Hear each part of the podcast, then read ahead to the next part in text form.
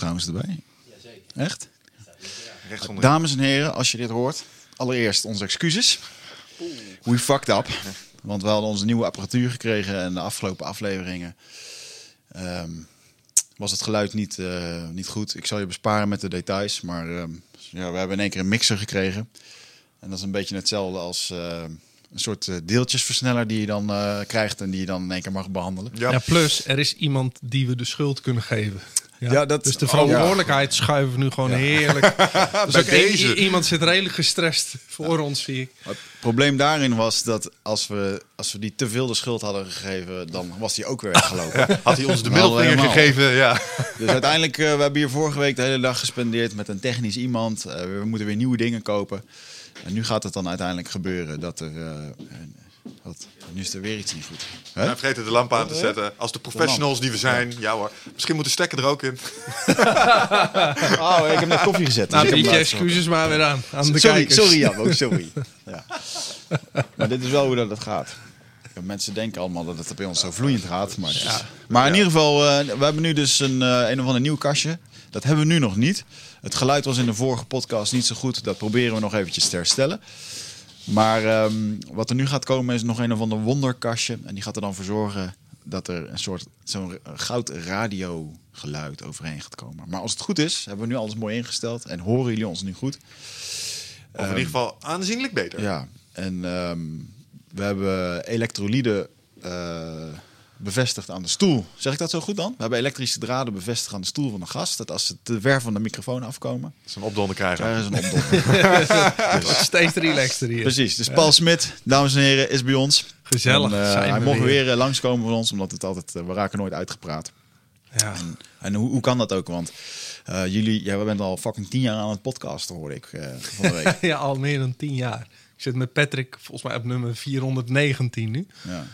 Dus eh, er zijn mensen die alles hebben beluisterd, hè? Dan 400, dan nummer jullie natuurlijk 400? ook, als je al jullie podcasts bij elkaar doet, dan heb je ook een hoop uur. En jullie hebben ons Eh, denk ik wel ingehaald, hoor. Nou ja, misschien. Maar eh, als jij het al tien jaar doet en je eerste afleveringen worden ook nog geluisterd. En je weet ongeveer hoe lang ongeveer één keer dat iemand, dat jullie een klikje zien. Ja, ja. is geluisterd en je zou alles op, optellen bij elkaar hoe lang er inmiddels naar jullie geluisterd is. Dan Ja. tik je denk ik een eeuw aan. Oh ja. Snap je? Zo heb ik ook wel zitten rekenen. Dat als wij, als wij zeg maar alle luisterinteracties bij elkaar optillen... en hij is gemiddeld 20 minuten per klikje... eh, en je kijkt, neemt dan één jaar... dan is één jaar eindbazen... wordt dan 274 jaar geluisterd. ja, dat is echt en dat is bij ons. En jullie Ja. doen het al tien jaar langer... dus ik denk dat jullie wel... Ja. Ja. Vreemd idee. Ja, dat, maar dat vind ik ook als, als PewDiePie zo'n filmpje maakt. Die heeft standaard zo'n 6 miljoen views. Hè? Bizar. Dan moet je kijken hoeveel 6 miljoen maal 20 minuten... wat je per dag aan tijd van Ja. mensen... echt eh, niet normaal. ja, dat is echt absurd, ja. Weet je wat jij zou moeten hebben? Nou, Sponsors. Daar moet ik namelijk eventjes iets over zeggen. Voordat we, eh, ik weet hoe dat dit gaat. Soepel, eh, jongen. ik heb nog een mooie sponsor voor je. Totalseat.nl. Hij heeft het net even ingezet. En hij heeft ook net in de massagestoel gezeten, dames en heren. nou ja, ik Hij heb denkt ook- net, motherfucker, Ja. je zet Ja. me af. Ik mocht erin zetten zodat je Nee. dit kon doen. Nee, is niet zo. Wat vond jij van de Nou ja, Total Seat massagestoel, Paul? die stoel, ik heb eh, zo'n massagekussen, Ja. maar dat komt nog niet in de buurt van dit. Het was echt fantastisch. Oh, jij, jij hebt zo'n kussen wat je om je nek kan doen. En dan, nee, nee, dan ja, zit het is wel zo. zo'n van helemaal vanaf je, je rug en nek. Het is op zich, ik had namelijk wat rugklachten en toen was het heel lekker. Ja. Maar die stoel is, eh, Ja. Ja, dus nou, laat ze bellen. Ja, Dan, ja, eh, nee, ja, het is zeker een mooi eh, dingetje. Ja. Ja. Eh, dus Total Seat, lieve mensen, die hebben de apparatuur betaald die wij dus al een half jaar niet goed bedienen. Maar goed. Als het straks draait, dat is helemaal geweldig. Dus ondertussen hebben we bijna dubbele kunnen uitgeven aan, aan het herstellen van dat allemaal. Maar goed, we zijn hem wel heel erg dankbaar. Bart was bij ons in de podcast, luisterde die ook nog een keertje naar. naar en ehm, eh, uiteraard de jongens van Gymbox, die... ehm, eh, want jij zegt, heb je last van je rug? Maar dan denk ik, sport jij wel? Ja, ja, ja, Ja? drie keer per week. Wat doe je dan? Ik squash, ik loop hard en ik eh, ga één keer per week met frisse tegenzin naar de sportschool. hey, jij komt uit Gouda, toch? Ja. Nou, hey, Gymbox, die heeft hun eh, voorbeeld, een zeecontainer, uitgerust als eh, eh, sportkantine, wou ik zeggen. eruit als iemand die voornamelijk in de sportkantine Ja, zit. ja, is sponsoren mijn, zitten nu allemaal zo met de, zo te denken van waar, waar hebben we ons geld Ja. uitgegeven. Maar eh, die maken dus eh, die maken dat helemaal mooi voor personal training en zo. En, die hebben een, eh, eh, hun voorbeeld staat in Gouda. Oké. Dus dat, eh dan kun je buiten sporten ook. Zo'n container kan je gewoon overal neerzetten. Ja, en dan kan je fantastisch. sporten. Supergoed idee. Ja. Dus eh, kijk eventjes op gymbox.nl. Maar mijn rugklachten En, eh, kwamen vooral omdat ik een enorme kast dacht van, ah ja, die til, ik, til ik wel zelf even. ja. En toen eh, dacht mijn rug daar anders over. Ja. Dat heet eh, eigenwijs. Haha. Ah, nou ja, het zal niet gewicht zijn zijn. Sommige kasten zijn gewoon onhandelbaar. Dat heb ik altijd met dat soort dingen. Als ik zelf ga sjouwen, eh, waar ik me verteel is op de momenten dat ik denk, ah, dat krijg ik in mijn eentje wel de bocht. Ja, ja, ja, Dus- helaas. Weet je wat ook goed altijd werkt met verhuizen? Is dat je denkt dat je een kast kan verplaatsen. En dat je denkt, ja maar, weet je, ik verplaats hem gewoon even in zijn geheel. Dan hoef ik hem niet uit elkaar te Ja, halen. ja, Ja, ook En, geprobeerd. dan- en dat is dan zo'n Ikea-kast die al drie keer uit elkaar gehaald is. en dan eh, heb je volgens drie kasten en eentje heeft er geen deur, weet je wel. Dat soort eh, Ja. dingen. Maar ja. Hey, je bent weer ehm, op pad. Tenminste, ja, we moeten maar even een update doen over wat je allemaal doet. Ja, Want eh, ik zie... Je mag niet op de tafel slaan. Mag ik niet op tafel staan? het wordt steeds Waarom? strenger Omdat, omdat dit ding dan erop staat? Jouw, eh, dan gaat je camera, eh, die wordt dan meteen onscherp. Oh, oké. Zegt jongen. Even praten straks. Heb je had dat gedacht? Eh, ja, Ja, oké. oké. Michel moet straks even praten over het gedrag van jouw boven. maar ehm, ehm, nou ja, ik zie je voorbij komen op social media en ik zie in één keer violisten bij jou in de huiskamer staan. En, ehm, dus ik weet niet wat je allemaal aan het doen bent. Oh, maar- ik, ik eh, eh, heb een nieuwe show gemaakt. Omdat heel veel bedrijven ga je terugvragen. En dan is het wel leuk dat je met iets komt. Alleen, dan is het de kunst om iets te doen wat hetgeen je hebt gedaan weer overtreft. ja. Eh, dus op het moment dat ik, hoe goed mijn show ook is, als ik terugkom, als het hetzelfde stijltje is, hetzelfde principe, dan zeggen mensen, ja, is leuk, maar dat kennen we ongeveer al. Dus ik wilde iets wat daar, eh, het heet ook Next Level, de, de nieuwe show. Dus ik wilde gaan kijken, hoe kun je als mens nu naar het next level komen qua eh, psyche, et cetera. Ja. Maar ook hoe kan ik zelf mijzelf weer een stap verder brengen. En mijn vriendin is toevallig professioneel violiste. En zo kwam het idee om met twee van die dames, eh, die spelen bij Marco Borsato, Andrea Bocelli en zo. Oh, wauw. en, eh, dus, eh, maar ik denk wat we gemaakt hebben is echt super. Ik ben er echt heel blij mee. Ja. Hey, even, jouw vriendin is gewoon professioneel ehm violiste. Dan Ja. ben je dus gewoon acht uur per dag op je viool aan het... Nou, in je studietijd wel. Nu is dat iets minder. Ze geeft veel les ook. Maar ja, wel kicken, want je staat soms echt voor... eh, Ze staat zo Pinkpop, weet je wel, voor 70.000 man. Ja. En eh, ja, dat zijn echt wel mooie dingen die je meemaakt. Lijkt me heel onge... Ja, lijkt me heel... Het is een hele mooie kunst om dat te doen. Jarenlang om dat goed te kunnen. Aha. Maar het lijkt me zo ongewaar, ongeërkend en ondergewaardeerd. Dat, want inderdaad, op concerten staat er altijd op de achtergrond staat van alles te spelen. Ja, ja. Maar het Ah, valt ja. altijd zo'n beetje weg in het totaalplaatje. Ten- Tenzij je de lead violinist bent, die Ja. eh, even in het eh, optreden zeg maar, de spotlight krijgt. Maar ja, daar maar moet dat zijn er een, eh, doen, een paar ter wereld. Ja, hè? precies. Dat zijn de wonderkinderen. En de rest, ja, je, dat is wel waar. Kijk, zo'n zo'n eh, orkest is toch tussen de 40 en 60 man groot. Hè? Dat is echt bizar. En daar ben je eentje van. Ja. En maar dan, ze zijn zo streng voor zichzelf, joh. Want ze zijn zo perfectionistisch. En als ze dan in, in zo'n heel concert één foutje maakt, dan zeggen ze, ja, shit zeg. Ging slecht. Hoe kan ik die fout nou maken? Zeg maar, je hebt gewoon 20.000 noten goed gespeeld. Ja. Maar zo denken zij niet. Ja. Dat is echt grappig. Ik wil nog wel eens een keertje zo'n echte topdirigent zou ik wel eens een keertje in de studio willen hebben. Dat is interessant. En, eh, André en, Rieu en, en, eh, André Rieu zou ik ook nog gaan, want dat is, Nou, gewoon, dat is, gewoon, de best, dat- is gewoon de best betaalde artiest van de ja, wereld. alleen allemaal, dat is een hele slechte violist. Dat weet niemand. Plus, je gaat naar zo'n concert en is allemaal playback. Dat is allemaal ge- dus die ja. dames met wie ik speel hebben dan 10.000 uur geoefend. En dan Ja. zit je bij hem daarachter zo een beetje nep te harken. Dat, Echt? Ja, dat is echt waar. Dat is echt... Ja. Waarom dan? Omdat het gewoon niet eh, anders is. Nou, het is niet, te eh, duur, hè? Maar ook eh Dus er zit bij gewoon- Amstel Live en zo staat er zo'n orkest. En eh, ja, dan zitten die dames ook... Maar sluit ons eraan. Nee, dat hebben we al op tape staan, joh. Oh? En Maar ze spelen wel. Omdat Ze het- spelen wel, maar het wordt niet, voor niet Ah, versterkt. Dan, en dan dat zou ik daar gewoon een paar studenten zonde. neerzetten voor 5 euro per uur. Die dan gewoon. Ja, zo, ik wil er ook wel zitten hoor. ja, precies. Ja. Dat kan goedkoper dan. Ja, doe maar wat, joh. Dus jij vangt die violisten op en geeft ze dan een plekje bij jou in de show waar ze wel in de spotlight kunnen. Nou, ze vinden dat wel grappig, want ze zeggen... nu staan wij twee eh, redelijk op de voorgrond opeens. Terwijl we altijd vallen in zo'n eh, ja. zo'n veilige haven. Ja, ja, ja, Dus, ja. dus eh, ik zie nu pas dat ze echt wel goed aan het oefenen zijn. Ja, ja. Maar goed, ze zijn ook... Ik vind het zo knap. Wij doen een stuk uit Bohemian Rhapsody. Ja. En dan zit die solo van Brian May. Nou, en dan, eh, dan gaan we dan voor het eerst oefenen. En zij leest dat van papier, hè. Dus dan denk ik... Ja, ik, ik moet op die solo echt weken oefenen. Jij gaat elektrisch gitaar En dan, spelen, en, eh, nee, ik speel akoestisch. Ik speel die solo niet. Ik eh, ondersteun wat meer. En dan nou, spelen ze dat gewoon in één keer goed. Ja, dat is voor mij echt... En zij Ja. zeggen, ja, maar het staat er toch? Ik kan het toch lezen? Maar ik, eh, hè? Maar ja, dat is echt 10.000 uur gewoon alleen maar je hele jeugd oefenen, oefenen, oefenen. Dat, dat is het enige. Ja. Jij speelt de gitaar toch zelf? Ja, ja. Voor de, wel echt? Want ik heb jou... Ja, ik heb leuk, jou- ik heb gitaar, jou- jawel. nee, Dat is ik- ook leuk, ja. Ik heb jou, ja, je zit nu over André Rieu, maar ik heb jou ook een keertje, eh, volgens mij, eh, Guns N' Roses zien spelen. ja. En volgens mij was dat ook niet live, eh, dat je dat echt eh, deed, toch? Dat was Jawel. ook wel, Nee, ho, ho, ho. Ik, ik- nee, ik zing en speel altijd live. Oké. En het is, ik heb wel eens dat mensen komen vragen dat je die artiesten nadeed. Stond dat nou op tape? Nou, dat is echt een fijn compliment. Want dan was het dus zo geloofwaardig.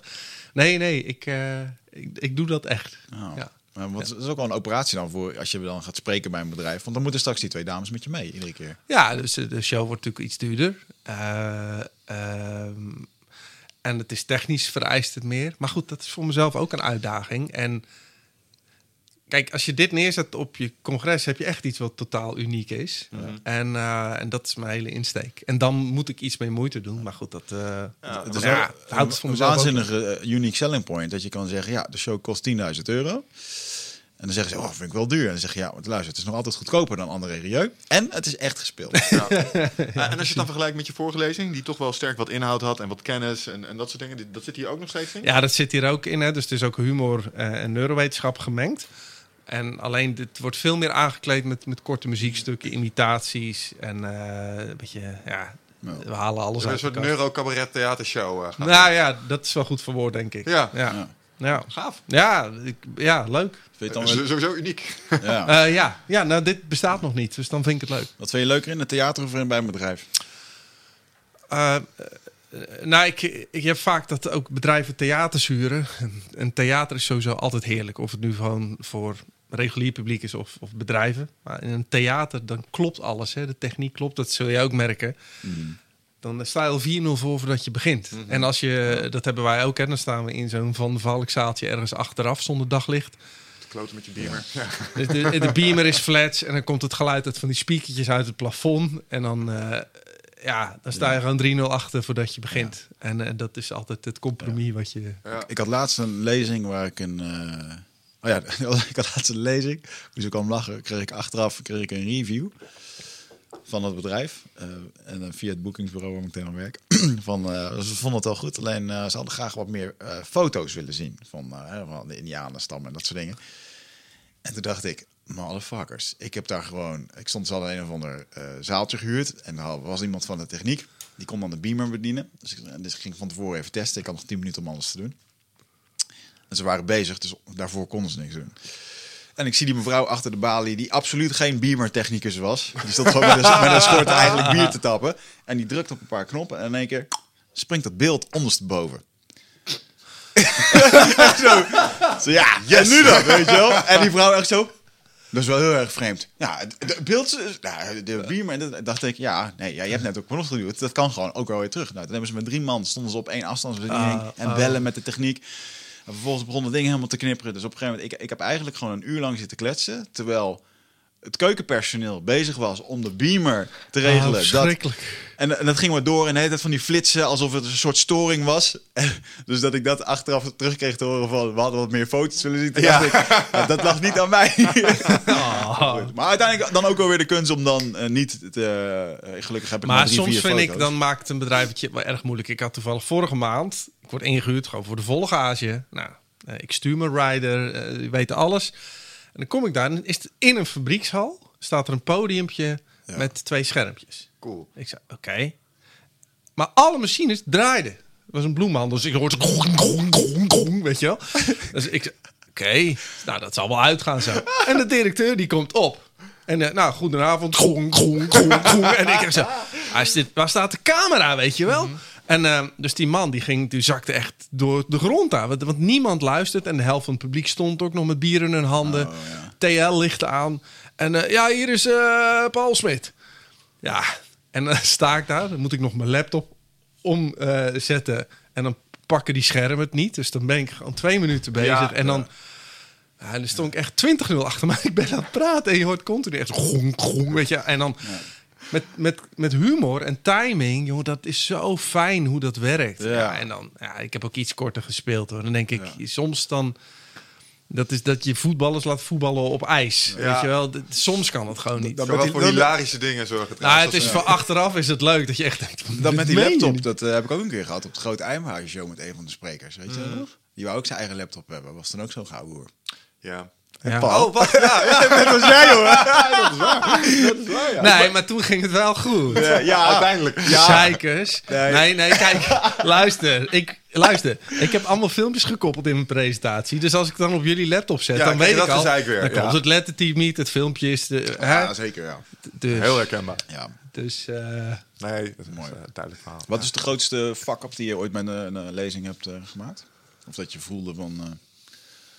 nou, dat is vooral in het begin van je carrière. Als je voelt dat die zaal niet meegaat, ja, inmiddels weet je hoe je dan kan schakelen. Alleen als je net begint, dan ga je nog harder werken. En dan ga je nog meer forceren en sneller. En die kuil wordt alleen maar dieper. Dus Ja. ik, ik, heb, ik ben echt... Zeker toen ik net begon met cabaret, een paar keer dood gegaan, jongen. Ook dat het publiek wegloopt. Oef, oef, En, oef, en dat ik mensen ging beledigen. oh, eh, En op een gegeven moment begon ik, ja, iemand, eh, super slecht, riep een vrouw. En ik zei, nou, weet je wat voor recensie ik had in de Volkskrant? Die was supergoed. Het ging de strijd aan. Oh, nee? Nou, maar jongen, met dommer kan niet. Ja, weet jij wel als je net begint, weet Ja. je wel. Maar ja, ik ben echt wel... Ik heb eh, ja, een rij naar huis en een pijn in je buik. Ja, daar heb je ego wel even een paar dagjes last van. Ja. afgefikt kan zijn. Maar dat, dat ken ik wel, dat, dat je voelt dat het niet lukt. Ja, En dan ga je toch nog beter je best doen. En ik heb eigenlijk gemerkt dat ik heb dat één keer gehad bij een... Moet ik even goed zeggen dit? Bij een sportkledingmerk wat bijna ieder huishouden wel ergens heeft. oh hangen. ja, ja, En ja. dat vond ik echt heel belangrijk om daar goed te presteren. En dat heeft hem juist genekt. ja. Want dan stond ik dus uiteindelijk niet voor je verhaal of hem echt voor het publiek wat te brengen. Maar ik stond er gewoon voor mezelf om daar een goede show neer te zetten. En dat, dat, dat voelde iedereen tijdens het ding. En ook uiteindelijk in de feedback kreeg ik dat dan toch Ja, terug. Dat is voor mij ook ah, een waardevolle les geweest. Maar het geld, en dat is met alles met ondernemen denken, of je nou masterclasses geeft of spreekt, kilometers maken is Ja. uiteindelijk Ja. datgene wat je het verste brengt. Is, is het dan met, bij jullie op de... Want ik herken het een beetje. Ik, ik bespreek soms dingen en dan verlies ik ze op de inhoud. Oh ja, ja. En, en daar- voor, vroeger was ik daar super purist in. Ik heb een heel stuk, dus dan noem ik mijn eh, automatisch denken vaccinatie. Law of Attraction, The Secret. Hou op jongens, weet je wel. En dat zette ik vroeger best wel stevig neer. En als er dan zo af en toe iemand is- tussen zat die, die daar wel... en, dan, nou, nou, ik zie dat toch wel... Hey, kom op, hè, deterministisch universum. pop, pop, pop. en dan zag je gewoon een aantal mensen van... Hé, hey, gast, kom op. Laat mensen een beetje hun waarde, weet je wel. En dat ik zo op de inhoud dus Ja. zeg maar kwijtraakte omdat ik daar zelf wat te puristisch in was. Ja. Zit het hem daar bij jou in? Of is het gewoon, eh, je maakt grapjes, landen niet? Of... Nou, bij mij zit het. Ik focus vooral op humor. Hè? Dus qua inhoud is het allemaal nog eh, goed te behappen en, en eh, ook heel concreet voor mensen. Maar ik herken wel met toen ik de eerste non-duale lezingen die ik gaf, was ik net zo. Hè? Dus als iemand maar begon over, eh, weet ik veel, reïncarnatie of law of attraction, ja, dan ging ik daar à la Tony Parsons snoeiradicaal op in. En dat klang, weet je. Maar is uiteindelijk sta je natuurlijk je eigen ego daar eh, te botvieren. Want je zegt gewoon, oh, ik weet het lekker beter dan jullie. Ja. En omdat jullie geld hebben betaald, luister je naar mij. Ja. Dus daar ben ik... Ik heb laatst weer een paar van die bijeenkomstjes gedaan. En dan merk ik dat het veel milder is. Dat iemand, nou, ik denk daar ook anders over. Zeg ik, nou, dan is wat er gebeurt. Dat je er anders over denkt. Ja, en dan Dus, haal je schouders op en denk je het zal wel. punt. Ja. Ja, Ik heb wel eens een ik dat wel, ik ja. heb wel eens een spreker horen zeggen: wie staat er hier op het podium? Jij of ik? Ja, echt gewoon fouter dan dat kan niet, weet je. wel. ja, poe, poe. Eh, rule number one, I'm always right. Ja. Rule number two, rule number one. Ja. Ja. Hey, nog een vraag over je nieuwe show. Hè? Want eh, je gaat hier nu muziek bij gebruiken. Je doet ook dingen met eh, neurowetenschap. Zet je de muziek nog in om eh, bepaalde kwartjes te laten vallen? Of eh, bepaalde dingen te laten gebeuren waardoor mensen. Oh, kijk, dit is... Nou, het. eh, juist. Ehm, ik merk namelijk als ik nu in mijn normale show... soms doe ik wat artiesten na. En dat opent het publiek dusdanig... dat het daarna is die flow nog beter na dat zingen. En dus sowieso opent muziek. En ten tweede leg ik ook neurowetenschappelijk uit... hoe dat dan werkt in het brein. Dus ik zeg in de show ook heel duidelijk van... als je iets rationeel over wilt brengen... moet je het brein emotioneel raken. Dus alles waarbij je emotie creëert, dat is wat mensen uiteindelijk bijblijft. Dan heb ik een heel simpel voorbeeld van wie weet er nog waar die was op 9-11. Nou, dat weet iedereen, zelfs Ja. in detail. Dat komt, dat was een grote emotie. En jouw brein koppelt een grote emotie. Dat gaat het geheugen in. Hè, dus je ook eh, je, je eerste vriendinnetje, de bevalling eh, van, eh, van je, je vrouw. Of dat soort grote momenten blijven je altijd bij. En, en wat bedrijven niet zo goed doen, is die gaan rationeel daar informatie dumpen over hun mensen. En dat vergeet het brein, want die wil energie besparen. En, dus, en dus leg ik ook uit met muziek, hoe ze dat in de muziek doen. En dus op een gegeven moment stel ik een heel stuk over piraten. En dan spelen we een stuk uit Pirates of the Caribbean. Ja, ja, ja, ja. En daardoor onthoud jij de boodschap die ik heb verteld. Ja. Dus, dus het is continu gekoppeld. En ik leg uit hoe innovatie en creativiteit werken in het brein en hoe muzikanten dat doen. Dus ik heb wel leuke eh, eh, bruggetjes eh, bedacht. Mm, ik vind het heel irritant om te horen. Want als ik dus beter wil worden wat ik doe, moet ik gaan leren piano spelen. Is eigenlijk wat ik... eh, Nou, nee, het, het- gaat erom dat je de, een, de emotie creëert. Nee, ik snap het. Maar En- muziek is natuurlijk een fantastische manier om dat te doen. Ja. Ik bedoel, als je gitaar kunt spelen en je kan een, eh, een goed stuk spelen... waar iedereen een beetje van in een fijne stemming komt. Dus eh, wat eh, humor zou ook een manier zijn om die emotionele respons te triggeren? Ja, kijk, waar triggert het brein op? Dat is sowieso humor. Het brein triggert op eh, muziek. En Ja. dat zit hem er ook vol- vooral in dat het brein triggert op herkenbaarheid. En dus ook als wij in de podcast situaties bespreken die herkenbaar zijn, dan haak je aan. Dus Ja, alles wat jij in een training zegt en concrete herkenbare voorbeelden geeft, daar, dat vindt het brein interessant. Ik weet zeker dat jij jouw masterclasses, durf ik echt te zeggen, dat je die 200 meer impact kan laten hebben als jij meer over jezelf vertelt. Nog meer. Ik vind dat je niet veel over jezelf vertelt. Niet de verhalen die, eh, die, we- die dan echt raken, zeg maar. Hè, bijvoorbeeld, we hebben wel eens over gehad dat jij, ja, ik vind dat jij relatief eh, weinig bijvoorbeeld deelt over wat er met je moeder is gebeurd en de lessen die je eruit hebt. Terwijl dat is waar mensen denken, oh shit, dat is echt wel... eh, Oh, ja. zo. Ja, ja, ja. Weet je? Maar dat is toch dat is waar je eigenlijk op doelt. En dat, je- dat je dan die informatie deelt om, om misschien hebben mensen herkennen zich in dat verhaal. Ja. En dan deel je informatie waarmee ze wat kunnen. En dan is het een soort van. Ja, ja ik snap het. En, ehm, ja, herken ik. ben niet heel genegen om dat heel snel te doen, maar ik zet hem wel eens in. En dan is het ook... ehm, ja, eh, ik vind het eigenlijk een kuttrucje. Maar als ik eh, in moeilijke gesprekken kom... en het gaat bijvoorbeeld over doorzetten en zo... en ik wil mezelf even valideren... zo van, hey, maar ik weet echt wel hoe het is om af te zien...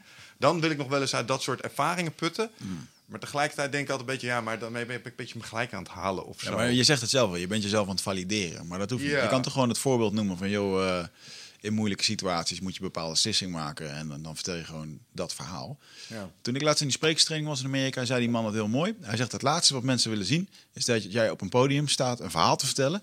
en dat het een zwaar iets is waarbij je staat te snotteren en te huilen... dat je het eigenlijk nog niet verwerkt hebt. Want dan komt het, dan komt het zo hard bij mensen binnen... dat het een soort van oeh, weet je wel? Nou, maar het, het, het- het komt ook een beetje. eh, heel veel mensen beginnen hun levensverhaal te vertellen, ook in cabaret veel hoor. Mhm. Eh, om hun eigen psychische pijntjes en, en onverwerkte dingen op het podium. Eh Dat is een soort therapie. Ja, en dat, dat is altijd pijnlijk. Ja, maar het is veel mooier dat als jij zelf daarmee in balans bent en Ja. dan iets vertelt wat mensen kunnen herkennen, Ja. dan vinden mensen het interessant. En ik denk dat het echt grappig grappig wordt op het moment dat mensen in de gaten hebben dat je je pijn voorbij bent, erop terug kan kijken en er dan mee kan spotten. Ja. Want dan wordt het Ja. echt Ja. grappig. ja. Ik heb dit ook gehad, weet je nog, met die... eh, ik heb een eh, lezing, die staat ook online op YouTube... met eh, persoonlijke ontwikkeling op psychedelische middelen. Dat was eigenlijk mijn eerste keer dat ik er echt publiekelijk over vertelde. Toen vertelde ik ook wat dingen over mijn broer. Toen stond ik ook echt wel gewoon... met- Toen merkte ik gewoon, toen was nog niet verwerkt. Oh ja. En als ik dat nu, als ik dat verhaal nu vertel, dan heeft het een andere context. Een Mm. andere dingen is het veel luchtiger. En dan, maar dat is wel eh grappig, nu je dat zegt. Daar kan ik wel, eh, ja, kan je de vooruitgang in zien. Ja.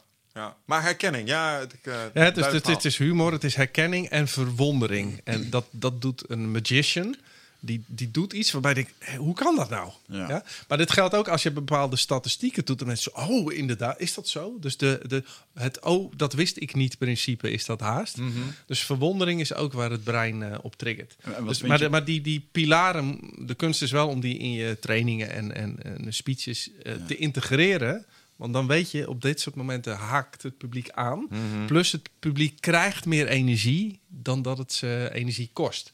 Want veel sprekers die ik zie, en je ziet zeker door die TED-talks... is het, het spreken echt gedevalueerd tot een dieptepunt. Dat iedereen denkt, als ik maar een powerpointje heb en, en heel veel informatie vertel... is het interessant. Nee, dat kost het publiek energie. En je wil juist dat ze met meer energie naar huis gaan. En dat is wat een cabaretier alleen maar doet. Hè? Die eh, geeft je een boost. En dat is de kunst eigenlijk. Ja. ja. Ben je ook van mening dat, ehm, ik heb wel eens geleerd dat als je mensen nieuwe informatie wil geven of je wil ze als het ware hun geest prikkelen, dat je ook iets controversieels zou kunnen zeggen. Omdat dat ook heel erg eh, een soort vanzelfde prikkeling geeft. Valt dat dan in verwondering, de categorie? van? Ja, dat is de verwondering. Hè? Dat doen ze bij de radio ook heel veel. Dan, eh, dan zeggen ze niet, nou, ik, daar heb ik misschien iets andere mening over. Zeggen ze, totale onzin. Ja. Het Johan Derksen principe. En door dat te doen, geef je het brein even die verwondering van... oh, wat komt er dan nu? Dus dat is wel een, een trucje wat ja, werkt. is dat, de eh, clickbait valt ook een beetje in die categorie. Juist, juist. Ja. Ja. En, Het eh, uitvergroten. ja, maar dat maakt ook dat verwonderen in eh, de negatieve aspecten ervan, denk ik, meer het angstgedeelte prikkelen. Nou, kijk, angst, eh, dat weet iedere Hollywood-filmmaker, eh, werkt altijd. Hè? Dus op het moment dat je dat reptiele brein maar voedt met hoe, wat gaat er nu gebeuren en overleeft hij wel, dat doet het altijd. En dat kunnen ze nu met het coronavirus ook. Hè? Als je maar zegt, oh, er zijn zoveel mensen geïnfecteerd, dan, dan denkt het brein ook niet meer rationeel na. Dan is het gewoon angst, eh, eh, voeding inslaan en je deur dicht. Oh, je Ja. zegt echt een spijker op zijn kop, jongen. Ik heb de fout gemaakt laatst om even een keer... Ik heb het helemaal links laten liggen, het coronavirus. En toen zat ik er één avond, had ik de tijd over. En toen maakte ik de kritieke fout om even op geenstijl.nl te gaan kijken. toen gingen alle preppenneigingen weer even 100% aan. Ik zat een kwartier later met vrienden. Hey, misschien moeten we toch maar gewoon een paar blikjes eh, inslaan. Haal even wat extra toiletpapier, die vriezer. Hoeveel zit daar nog in, weet je wel? Denk, oh, jezus. En, dan- en dan kom je daarna kom je er een soort van uit. En dan denk je, Jezus Christus, man, waar maakte ik me... Weet je wel, dan is het weer overdag. En dan Ja. is dat stukje angst is weer een klein beetje weg. Dan denk je, oh, dat was raar. Waar maakte ik me eigenlijk druk om? Totdat je weer wat later op de dag bent en je, en je gaat weer eens even op nu.nl kijken. Ja, en dan, dat is natuurlijk het, het is alles wat het reptiele brein wordt getriggerd. Daarbij schakelt die neocortex uit. Dus het enigszins rationeel nadenken en relativeren is weg. Ja. ja. en dan zie je dat mensen in blinde paniek eh, Nou, en, extreme dingen doen. en wat, er, wat er interessant is, waar ik mij dus weer mee op het rechte pad kijk, dan, dan lees ik zo'n artikel en dan staat er onderaan staan de vier bullet points. Oh ja. en, de, en dat zijn degenen die het dan fixen voor me. Dat zijn de eigenlijke feitelijkheden. Er staan 5000 woorden over hoe slecht het allemaal Oh is, ja, hoe besmettelijk. En er Ja. staan eronder staat er een bullet staan vier punten. Eh, het komt uit origineel uit eh, China. Eh, het treft eh voornaam, eh, je krijgt milde griepsymptomen. En op dit moment zijn alle sterfgevallen beperkt tot oudere mensen en ernstig zieken. Ja. En ik lees dat en ik denk, oh. Oh. Het zijn, het zijn er wereld, wereldwijd 3000 en, eh, en per dag sterven er iets van eh, Ja. 30.000 mensen aan de hongernood en 650.000 aan de griep, weet je wel. En Dat wat ze er ook dat niet bij vertellen. Ja, ja. Want Nou- ze, ze melden alleen de cijfers van de besmette gevallen. Ondertussen is er een andere grafiek waar je ook de mensen die genezen zijn gewoon keurig in kunt volgen. Ja. Die loopt overigens in de pas. Ja. De eerste 96-jarige is er ook alweer van genezen. Ja. Hoor je ook niks over, weet je wel. Dus ja, nee. Maar stel hè, dat bij de eerstvolgende griepepidemie ze precies hetzelfde in, in de media gooien zoals nu. Dat is nog veel extremer wat je zei. 650.000 doden. En nu zag ik toevallig op, op nu.nl zo'n zo'n kaart van Nederland met alle besmette mensen. Maar het is twee uit Utrecht, één uit Eindhoven. Het is allemaal niks. Maar als je dat met griep gaat doen, dan raken mensen echt in Ik paniek. zag ook één artikel over dat er nog iemand in Utrecht was gevonden. En er stond echt zo, "Ah, corona. De man is gewoon bij zinnen en kan... En, of hij is bij zinnen en hij kan, eh, hij kan praten. Dacht ik echt, dacht, ja, no shit, hij is gewoon verkouden. Het is gewoon een griepje, mensen. Alleen, het zit iets dieper in de longen dan de normale griep. Ja. Is dat het? Eh, wa- Waardoor het gewoon, eh, ja, de oude mensen hebben daar dus moeite van om te genezen. Dat, dat China is wel bijzonder hoe dat het dan. ehm, is, dat is niet echt een democratie, maar ze proberen natuurlijk alles helemaal weg te moffelen. Het schijnt nu dat ze al die artikelen aan het wegmoffelen zijn. Oh ja. En dat je die mensen die daar in flatgebouwen zitten, die moeten allemaal binnen blijven. Er mag één, één iemand per persoon, per huishouden mag naar buiten, maar die moet wel gecontroleerd worden. Maar dan moet je naar een controlestation. En daar is het zo ontzettend druk dat ze niet iedereen kunnen helpen. Dus je mag ook eigenlijk niet naar buiten. Eh, maar dat proberen ze echt op. Ja, je, je hoort daar Maar heb je gewoon. gezien eh, dan? Ze, ze vergrendelen daar gewoon deuren. ja, bizar. Dus voor, je zit in je huis. Ja. Stopt een bus voor je huis. Ja. Ja, die begint ineens een klem op je deur te monteren. Jij zo, hé, hey, wat ben je aan het doen? Ja, sorry, je zit in quarantaine. Ja, ik wil naar de winkel. Fuck you, je blijft binnen. Er staan twee politieagenten staan er gewoon achter zo. Wat je doen dan? Dat is wat er gebeurt. Bizar. Ja. Bizar, bizar. Nee, nou ja, China in dat opzicht heeft wel vaker laten zien. Never waste a good crisis. Eh, je, je, kun- je kunt hier ook weer een paar meters maken in je totalitaire regime. eh, Nou ja, die uitrollen. politiestaat kun je verder erin duwen Ja. Zuid-Korea had ook wel een, een paar eh, van dat soort streken inderdaad. Van mensen stonden echt mensen urenlang in de rij om getest te worden of eh, Ah ja. allemaal als een soort van. eh, Ja, en met die, met die bevolkingsconcentraties eh, is het ook wel terecht dat je er iets aan doet. Ik bedoel, je, je moet eh, Dat is heel de ellende, zich, man. eh, verspreidt. Het is niet zomaar. Ik bedoel, eh, ja. Dit is heel de ellende. Ik had het toevallig van de week nog over iemand die zei van over vaccinaties en dat die mensen in de jungle hebben dat ook niet. En denk ik, nee, maar die wonen ook niet met 1 miljoen Eh, op nee. een. Op- Ja, en, ja. En, en daar begint wel de ellende. Nou, dat, Dit is ontstaan op een markt in China, waar, de- en dat is altijd het probleem, wildvee en mensen te dicht bij elkaar waren. Iets van een vleermuis die dan nergens, ergens, eh vleermuizen scheiden zich super slecht, zeg Ja, maar. ja. Die scheiden dan in het eten of zo, dat, eh, dat besmet elkaar en dan krijgen de mensen het ineens. Want die Ja. virussen, die muteren ook. Ja. En dan ineens is er één cel die net bij mensen werkt, nou, en dan heb je de pop aan dansen. ja. Maar, waar mensen en dieren samenleven, daar gaat het vaak mis. In hoge concentratie. ja. Volgens mij was het ook in de, dat is er ook bij riolering vandaan komen, omdat het gewoon een en al ellende was. In, Ja, ja, ja. Als je op een gegeven moment een stenen muur bouwt met mensen erin en het Ja. wordt een soort van, eh, nou, je weet hoe het eruit ziet op een zaterdagavond als er een feestje is geweest. en je laat dat liggen. Drie maanden. 300 jaar geleden. Ja, precies. Nee, is niet goed. Dan is dat een, eh. Maar ik vind het wel een bijzonder fenomeen als je dan kijkt wat het doet met de mensen en met angst en ook joh, hoe mensen erover praten, weet je wel, alsof het, eh, oeh, het komt naar Nederland. En Nou, kijk, dat. ons brein is heel slecht in kansberekening. Dat Ja. zie je al met de loterij.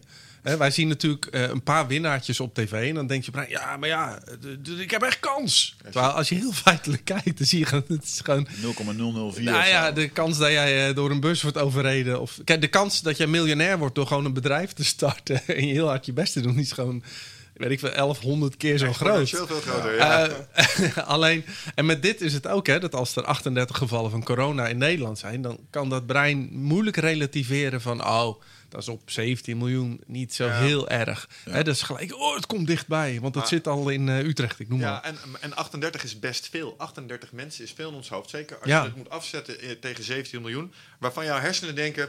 Geen idee hoeveel dat is. Je, je weet het niet. Nou, ons brein telt 1, 2, 3 heel veel. Ja. Ja? Ja. Dus, dus, eh, dus die kan helemaal niet. Ook als mensen een keuze moeten maken tussen producten. Dat is ook, ja, het is, ook als jij eh speerpunt vertelt in je presentatie of je training. 1, 2 en 3 gaat. En kom je bij de vierde, dan wordt het al heel tricky. En bij vijf, dan, eh, dan zijn mensen al weg. Ja, Dat is gewoon too much. ja. Ik kijk dan naar mijn dochtertje, die ik dan gewoon... Als ik iets pak uit de koelkast, pak ik twee dingen. Die hou ik voor. En dan, en dan pakt ze zelf wel iets wat ze wil. Ja. Dat Ja, is eigenlijk slim. de keuze die je mensen moet geven, Ja. weet je. Ja, maar en tegelijkertijd denk ik... Is dat ook niet omdat we een klein beetje tegemoet komen aan die shit? Omdat we, wij als mensen die informatie overdragen... Snap ook, mensen worden steeds... Oh ja, ik hou ze er niet bij, ik hou ze niet bij. Maar, maar vroeger moest je ook best wel lange rijtjes uit je hoofd leren. Kan je als mens best wel. Ja, Snap- je wat het, ik bedoel? het kost alleen heel veel eh, energie. Dus ik Ja. vind wel dat inderdaad eh, het, het brein st- krijgt ook de mogelijkheid om steeds luier te worden. Want alle frictie wordt uit ons leven gehaald. Ja, nu in één keer, ik zie het. Ehm, dus ja, we, we worden wel luier daardoor. Alleen ja, ik denk dan aan de ene kant, oh ja, ja, drie bullets. Maar hey, als nummer 4, 5, 6 en 7 zijn, als gewoon normaal volwassen man eh, of vrouw, zou je toch prima moeten kunnen volgen. Hoezo? Ik ben toch geen kleuter. Wel, weet je wat? Enerzijds zit er ook dat in. Zoals wij maar lekker lijstjes van drie, dan is straks een lijstje van drie ook te lang. En dan moet het er een van twee worden. Nou ja, ja, ja, nou ja, die kans eh, bestaat. Alleen ja, goed, als ik vanuit mijn perspectief kijk, ik wil gewoon dat die zaal lacht en meegaat. nee, sure, I get it. Dus, get it. eh, en ik merk gewoon dat als ik eh, het bij drie punten hou, dan heb ik ze lekker mee. en dat is het voorrecht wat je hebt als entertainer natuurlijk, want je doel is anders. Nou, wel, je komt natuurlijk ook wel iets van kennis brengen, toch? Ja, maar ik denk dat mijn grootste doel is dat ik mensen dat ze een uur lang hebben gelachen. Ja. En mochten ze dan al iets onthouden van wat ik zei, Ja. dan is het meegenomen. Maar ik weet ook, als ik mensen na een jaar vraag van wat heb ik verteld, dan is het meestal, ja, je deed Axel Rose na. Ja, ja. Want dat was de grootste emotie in de show. Ja. En dat koppelt het brein. Ik ben eh, ja. Ah, echt compleet ingegaan op eh, eh, diepe waarheden van de menselijke aard, non-dualistisch, vrije wil. Echt cruciaal voor wat dat betekent voor jou als mens en wat houden ze van over? Ja, Axel Roos. Het verschil is wel, hè. Kijk, mensen die bijvoorbeeld naar de eindbazen luisteren... zijn intrinsiek gemotiveerd om ook mee te leven in bepaalde onderwerpen die jullie behandelen. Mm. Dus dat is een heel andere doelgroep dan dat jij... Dan heb jij ook dat je voor een zaal staat die denkt... Wie is die man eh, met die indianen toy? Hè? Ja. Dus dat, dat is een hele andere insteek. Ja, dus je strategie moet ook anders Ja, zijn. ja, ja. Ja, nee, Ja. ik- I get it. Ja, dat luchtig maken. Hey, maar ehm, theatershows en ehm, eh, stukjes schrijven. Want ik zeg jou met Guido, jullie gaan dan af en toe naar een huis, eh, heel hele dure huizen boeken jullie dan.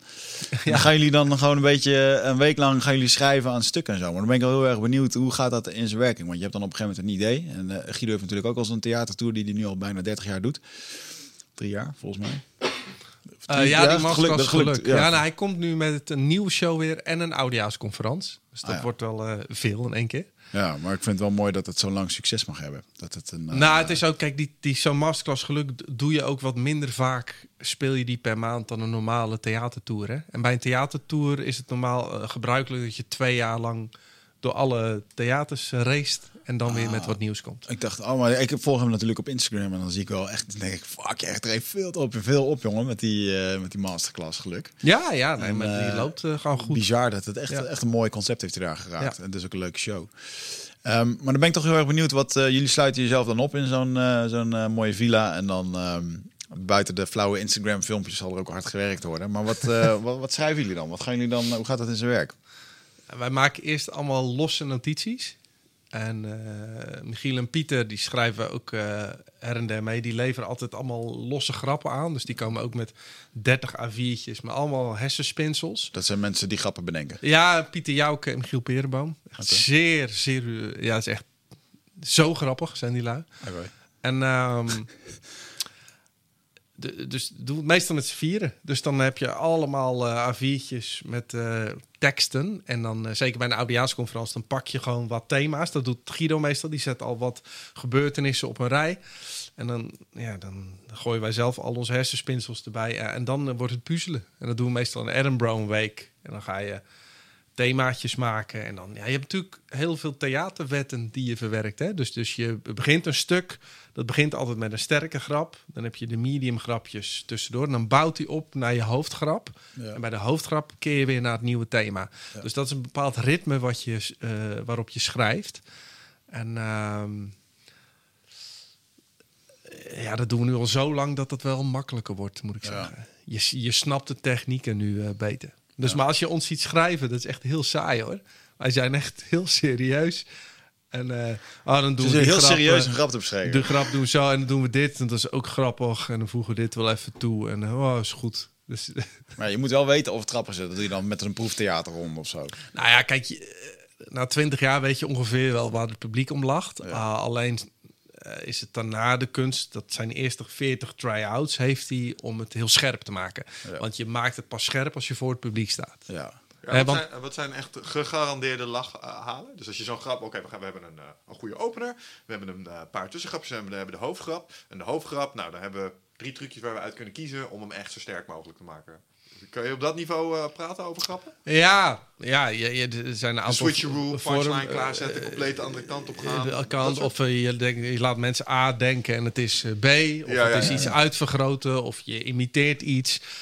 Eh, of je maakt het absurdistisch. Of je trekt een scheve vergelijking. Eh dat zijn allemaal methoden Ja, wa- waardoor het brein lacht. Hmm. Dus het brein, het lachen is eigenlijk eh, een emotionele ontlading. Hè? Dus op het moment dat het brein ergens heen denkt en het is iets anders, dan krijg je zo ha ha ha ha. Ja. Dus meer is het niet. Grappig. Maar ook de herkenbaarheid weer. Hè? Dus ik, ik- we hadden ooit zo'n grap, die heb ik ook wel eens in mijn show. Van, we, we zijn hele routinematige mensen. Doen alles vanuit routine om energie te besparen. Dus nou moet je vanavond maar eens testen als je naar bed gaat. Dan moet je eens even aan de andere kant van bed gaan liggen. Nou, dan beeld ik helemaal uit wat jouw partner dan doet, dat hij mentaal crasht. Ja, maar eh, hoe zit dat nou? En doordat je dat dan uitbeeldt, dan kunnen mensen herkennen dat. En die denken ook, ja, als ik dat vanavond doe, heb ik dat dus ook. Aha. Nou, en als je dat helemaal uitspeelt, dan krijg je gewoon gegarandeerd een, eh, een lach. Ja. Dat soort dingetjes. Ja, ja, ja. Dus, maar het is, wordt haast wiskunde soms hoor. Eh, gewoon humor. ja. Ja, ja, en op een gegeven moment, vooral Netflix heeft natuurlijk heel veel specials gereleased de laatste tijd. En dan zie je ook dat sommige comedians, die gebruiken, dat, dan, die hebben één techniekje en dat is dan een beetje hun spiel. Ja, ja, ja. Maar eentje die had de, alles wat hij zei, tegen, wat je zei volgens mij, de, de, het tegenovergestelde was waar of iets onverwachts was Ja. waar. Van, van, ja, ik word, ik word eindelijk vader. Na heel veel proberen, het was lang proberen. Mijn zusje en ik weten nog niet hoe we het gaan noemen. Weet je wel, dat soort dingen. Ja, ik- dat soort dingen. Ja. Maar ik vond die, die, die, teru- dit terugkomen. Guido deed het ook heel goed in zijn show. Want ik ben daar wel echt even heen gegaan. Van oké, eh, eh, ik was toen uitgenodigd omdat ik mijn eigen ambities had uitgesproken van oké, ik wil ook een keer zo'n theatershow van 90 minuten. Dus hij kom maar langs. En dan vind ik het super mooi dat hij dan inderdaad grappen maakt en uiteindelijk dat er nog weer zo'n zo'n terugkomt grap is. Net als met Joep van Ja. het Hek met het rijbewijs, weet je wel? Dat vond ik Ja. ook fucking koning dat hij dat dit. Heb je nooit gehoord? En volgens mij dat hij daar aan dan heeft hij Dan over hij, eh, helemaal vijf grappen verderop en ineens komt Ja, dat hij zegt van eh, noem maar één ding wat ik niet heb en dan hoor je iemand uit het publiek een rijbewijs. Maar En dan, dat heeft hij dan ook niet en dan uh, dan zie je mijn broeder volgens mij was dat wel gespeeld. Maar Ja, maar dan nog. blijft. dan nog. eh, En dan maar Guido is heel goed in callback grappen. Hè? Dus iets is ergens benoemd. En dat is natuurlijk altijd een heerlijke munitie om er later in show Ja, ja, nog dat een keer op goud. terug te komen. Ja, dat is mooi. ik vond het ook mooi. Had dat die, ooit eh, met zo'n... eh, dat de Russen, als ze een raket lanceren... gaat het nog steeds via een soort heel simpel MS-DOS-programmaatje. Mhm. Want hoe eenvoudiger de software... hoe minder snel het crasht. En daarna ging het volgens mij over OO Gerso... en hoe dom die gasten zijn. Het zei hij, maar dat is prima... want hoe eenvoudiger de software... Maar ja, dat is natuurlijk die callback. Dat is natuurlijk goud. Oh, Dat weet is echt wel? mooi. Ik Dat- vond het, de mooiste vond ik eh, laatst op Netflix gezien. Volgens mij was dat van Kevin Hart. Waarbij die... Of een andere. Volgens dat hij zei... Zo'n donkere meneer. Echt een hele bekende. Ja, ken ik Dat hij zei van... eh, ik eh, schrijf de, de uitkomst van mijn grappen altijd als eerst. En dan pas begin ik met grappen. Dus dan had hij zo'n grabbelton. En dan pakte hij zijn papiertje uit. Kicker right in the pussy. Dat was dan de zin. Dat was ergens aan het begin en aan het einde hij bouwde dat verhaal op. En dat was dan inderdaad de laatste zin. Het was echt goud. Echt Misschien was dat. Chappelle. Chappelle, Dave Oh, Chappelle. Chappelle. Ja, Dave Ja, Chappelle. Ja. Ja, Ja, vet dat Netflix daar ook zoveel eh, investeert nu in die comedians. Dat heeft echt een mooie... eh, Ja, eh, dat leeft weer helemaal in Amerika. Of misschien Ja. heeft het altijd al gedaan. Maar En, en heb jij standaard heckler comebacks? Heb je, want je, blijkbaar heb je wel eens een heckler gehad. Hij is echt slecht. Ah, ik zat in de Volkskrant hoor. Weet je wel, is dat dan je standaard comeback? Of, eh? Nou ja, op een gegeven moment bouw je een soort database op. Dat als Mm. iemand iets roept, en zeker met een show die ik natuurlijk al heel veel jaar speel, dan heb je alles wat ze kunnen roepen, heb je wel een keer gehoord. Mhm. Eh, dus die zitten gewoon klaar in je hoofd. En, en als iemand dan iets eh, roept. Dan, ja, ik had bijvoorbeeld, het meestal ontstaat het spontaan. Hè? Dus ik leg uit dat als je eh, ringvinger langer is dan je wijsvinger, Meer dat duidt op meer testosteron. En heb je een langere wijsvinger bij vrouwen ten opzichte van de ringvinger meer oestrogeen. En dan gaan mensen kijken en is er altijd iemand zegt, ja, maar aan één hand heb ik eh, langere ringvinger en hier en dan. En ik zei een keer per ja, dan ben je schizofreen, zeg maar. Maar dan moet het publiek zo hard om lachen. Dat, dat als iemand dat nu roept, dan, dan denk ik... ja, ah, ja, daar ja, komt hij, dankjewel. En dan, bam, en het publiek denkt zo, die is adrem. Terwijl, ja, dat eigenlijk moet je daar nu een transgender grap over maken. ja, dat zou heerlijk zijn in deze tijd. Kan dat in al, moet ik zeggen, in eh, in Edinburgh heb ik een man gezien... en dat vind ik echt zo super knap. Die had geen show, maar die komt op... en een uur lang maakt hij interactie met het publiek. En echt hilarisch. Ja. Ja, dat, vind knap. ik echt... Dan, dan moet je zo adrem zijn. vind ik echt knap. Ja, dat- heel, soms, heel soms lukt dat. Dat ken je dan vast ook wel. Soms dan komt er iets uit het publiek en dan zeg je iets... en dat was dan of bedoeld of onbedoeld heel grappig. En dan kan je echt helemaal mee in je nopje zijn. Dan denk je, oh, ik wou dat ik dit kon reproduceren. Ja. Twee dagen later denk ik dan terug, weet je niet meer wat je zei. nou, ik schrijf het altijd op. Want eh, ik denk, oh, heerlijk. Ja. Ja. Ik had van de week een nieuwe podcast geluisterd. Ik luister de laatste, laatste tijd naar Dr. Phil. Oh. Ik zag het, Oh, ja. echt? Ja. Echt, ik hoorde hem bij Joe Rogan en ik dacht echt... Wow, wat heb, wat heb ik niet gezien toen ik al die jaren naar Oprah Oh, Winfrey keek. Wat ik dan, hè, want dan moest ik vroeger meekijken met de oppas die ik had. En toen vond ik het altijd, altijd een Ameri- perfecte Amerikaanse gezin en eh, wel wijze dingen. Alleen nu was hij bij Joe Rogan en ik vond hem daar echt wat hij daar vertelde.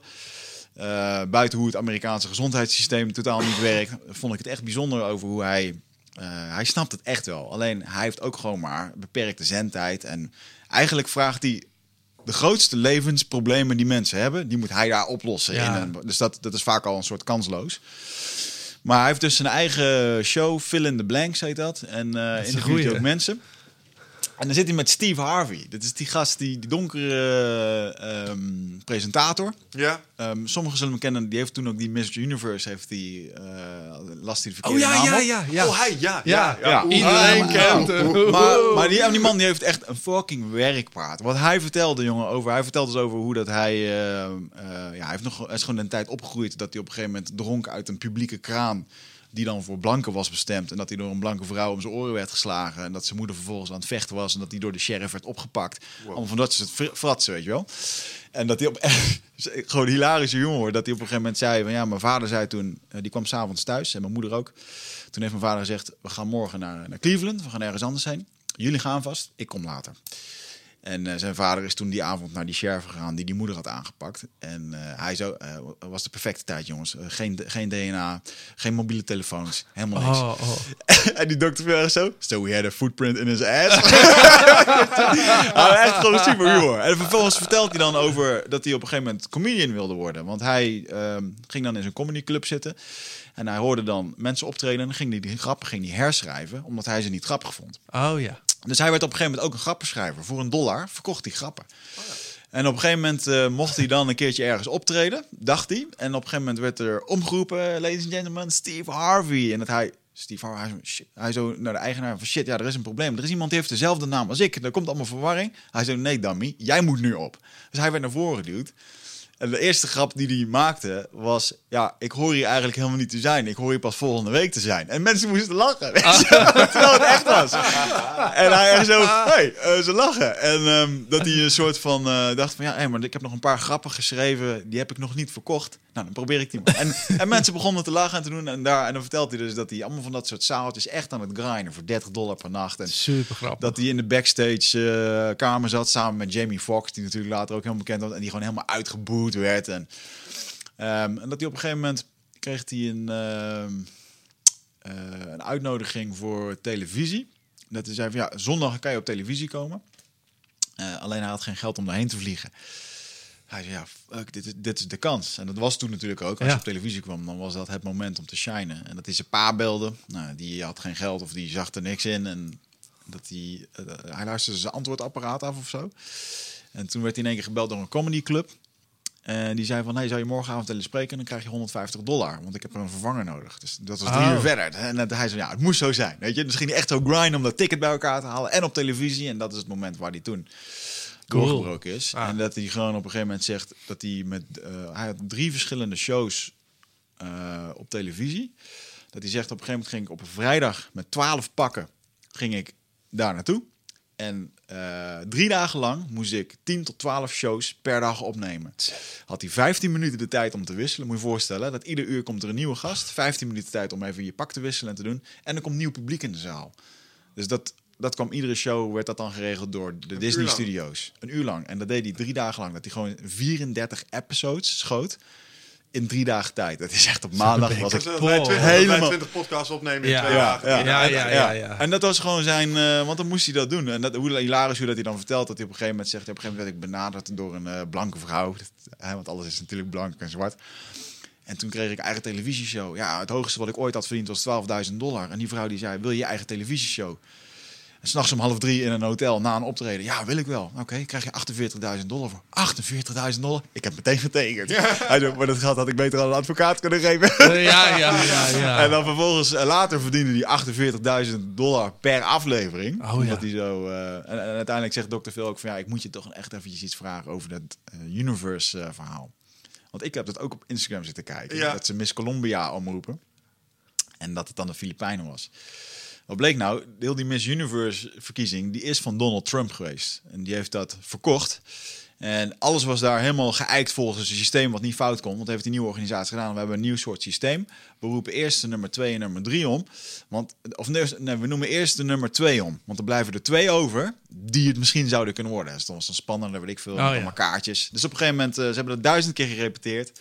Hij zit met zijn oortje en wordt dan letterlijk gewoon gezegd: Oké, en de- zeg het maar, de nieuwe Miss Universe is. eh, bla bla bla. eh, wachten, wachten, wachten. Miss Columbia hoort hij via zijn oortje. Maar op zijn kaartje stond iets anders. Hij, ja, Miss Columbia. Dus iedereen. en hij krijgt nog te horen: Ja, goed gaan, ga maar terug naar achteren en dan kunnen we door naar de volgende. Vervolgens.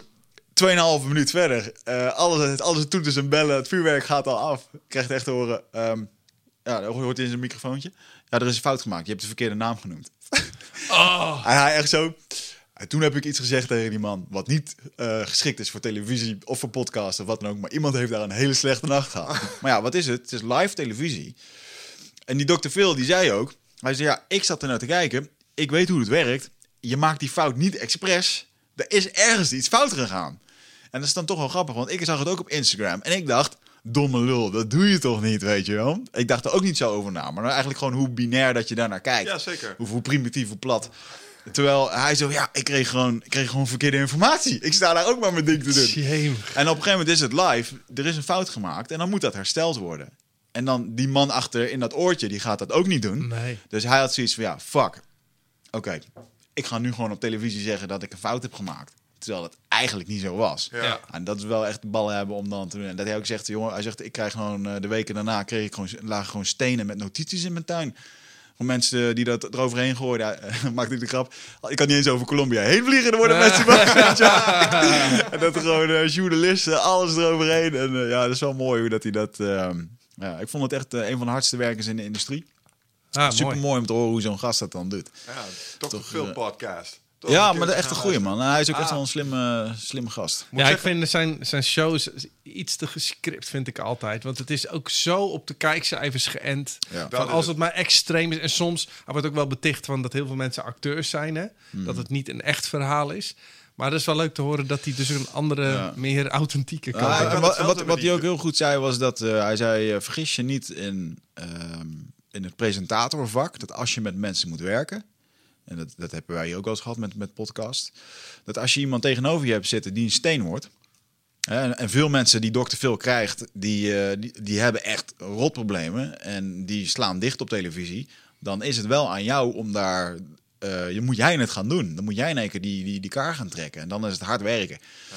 En eh, om er dan nog iets goeds van te maken, dat is echt wel eh, een live televisie sowieso wel. Ja, eh, ik vond het ook met Humberto Tan hoor, dat hij gewoon eh, vijf gasten per avond en dan vijf keer per week en dan iedere keer maar weer. Ja. Ja, het is, eh, is bijzonder als je dat. Ja, je moet op de juiste kan. knoppen weten te drukken in zo'n eh, in zo'n geval, denk ik.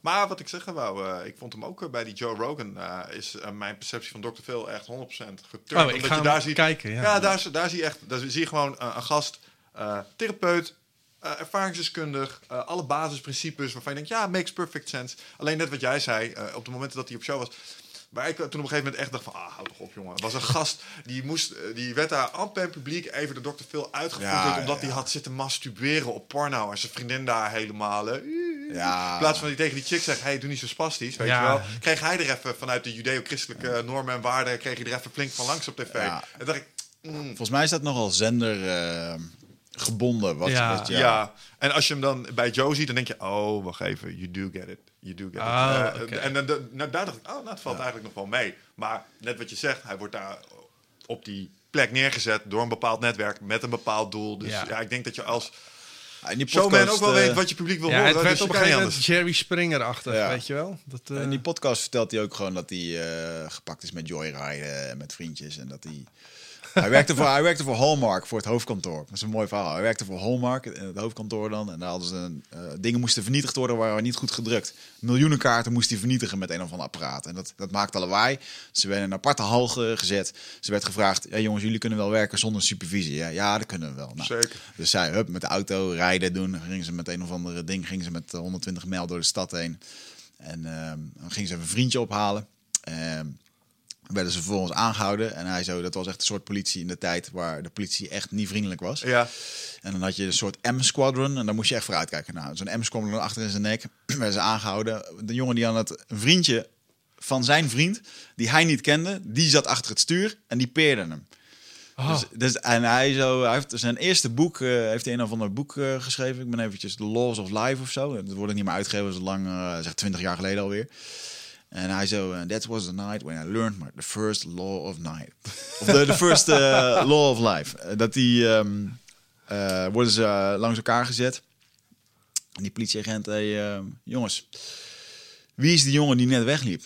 En dat een van die eerste gasten zegt, ja meneer, ik, ik ken die, ken die, of nee, die, die jongen zegt gewoon met een stalen gezicht, ja zijn naam is Sam Sausage. Gewoon om die agent te dissen. dus die agent, die, die, hij zegt, ik zie die agent zijn knuppel pakken en die beukt hem gewoon knock-out voor onze ogen. Pats, die jongen ligt gewoon cold ass op de vloer, weet je wel. That was the first law of life that I learned. Either you get it or you don't.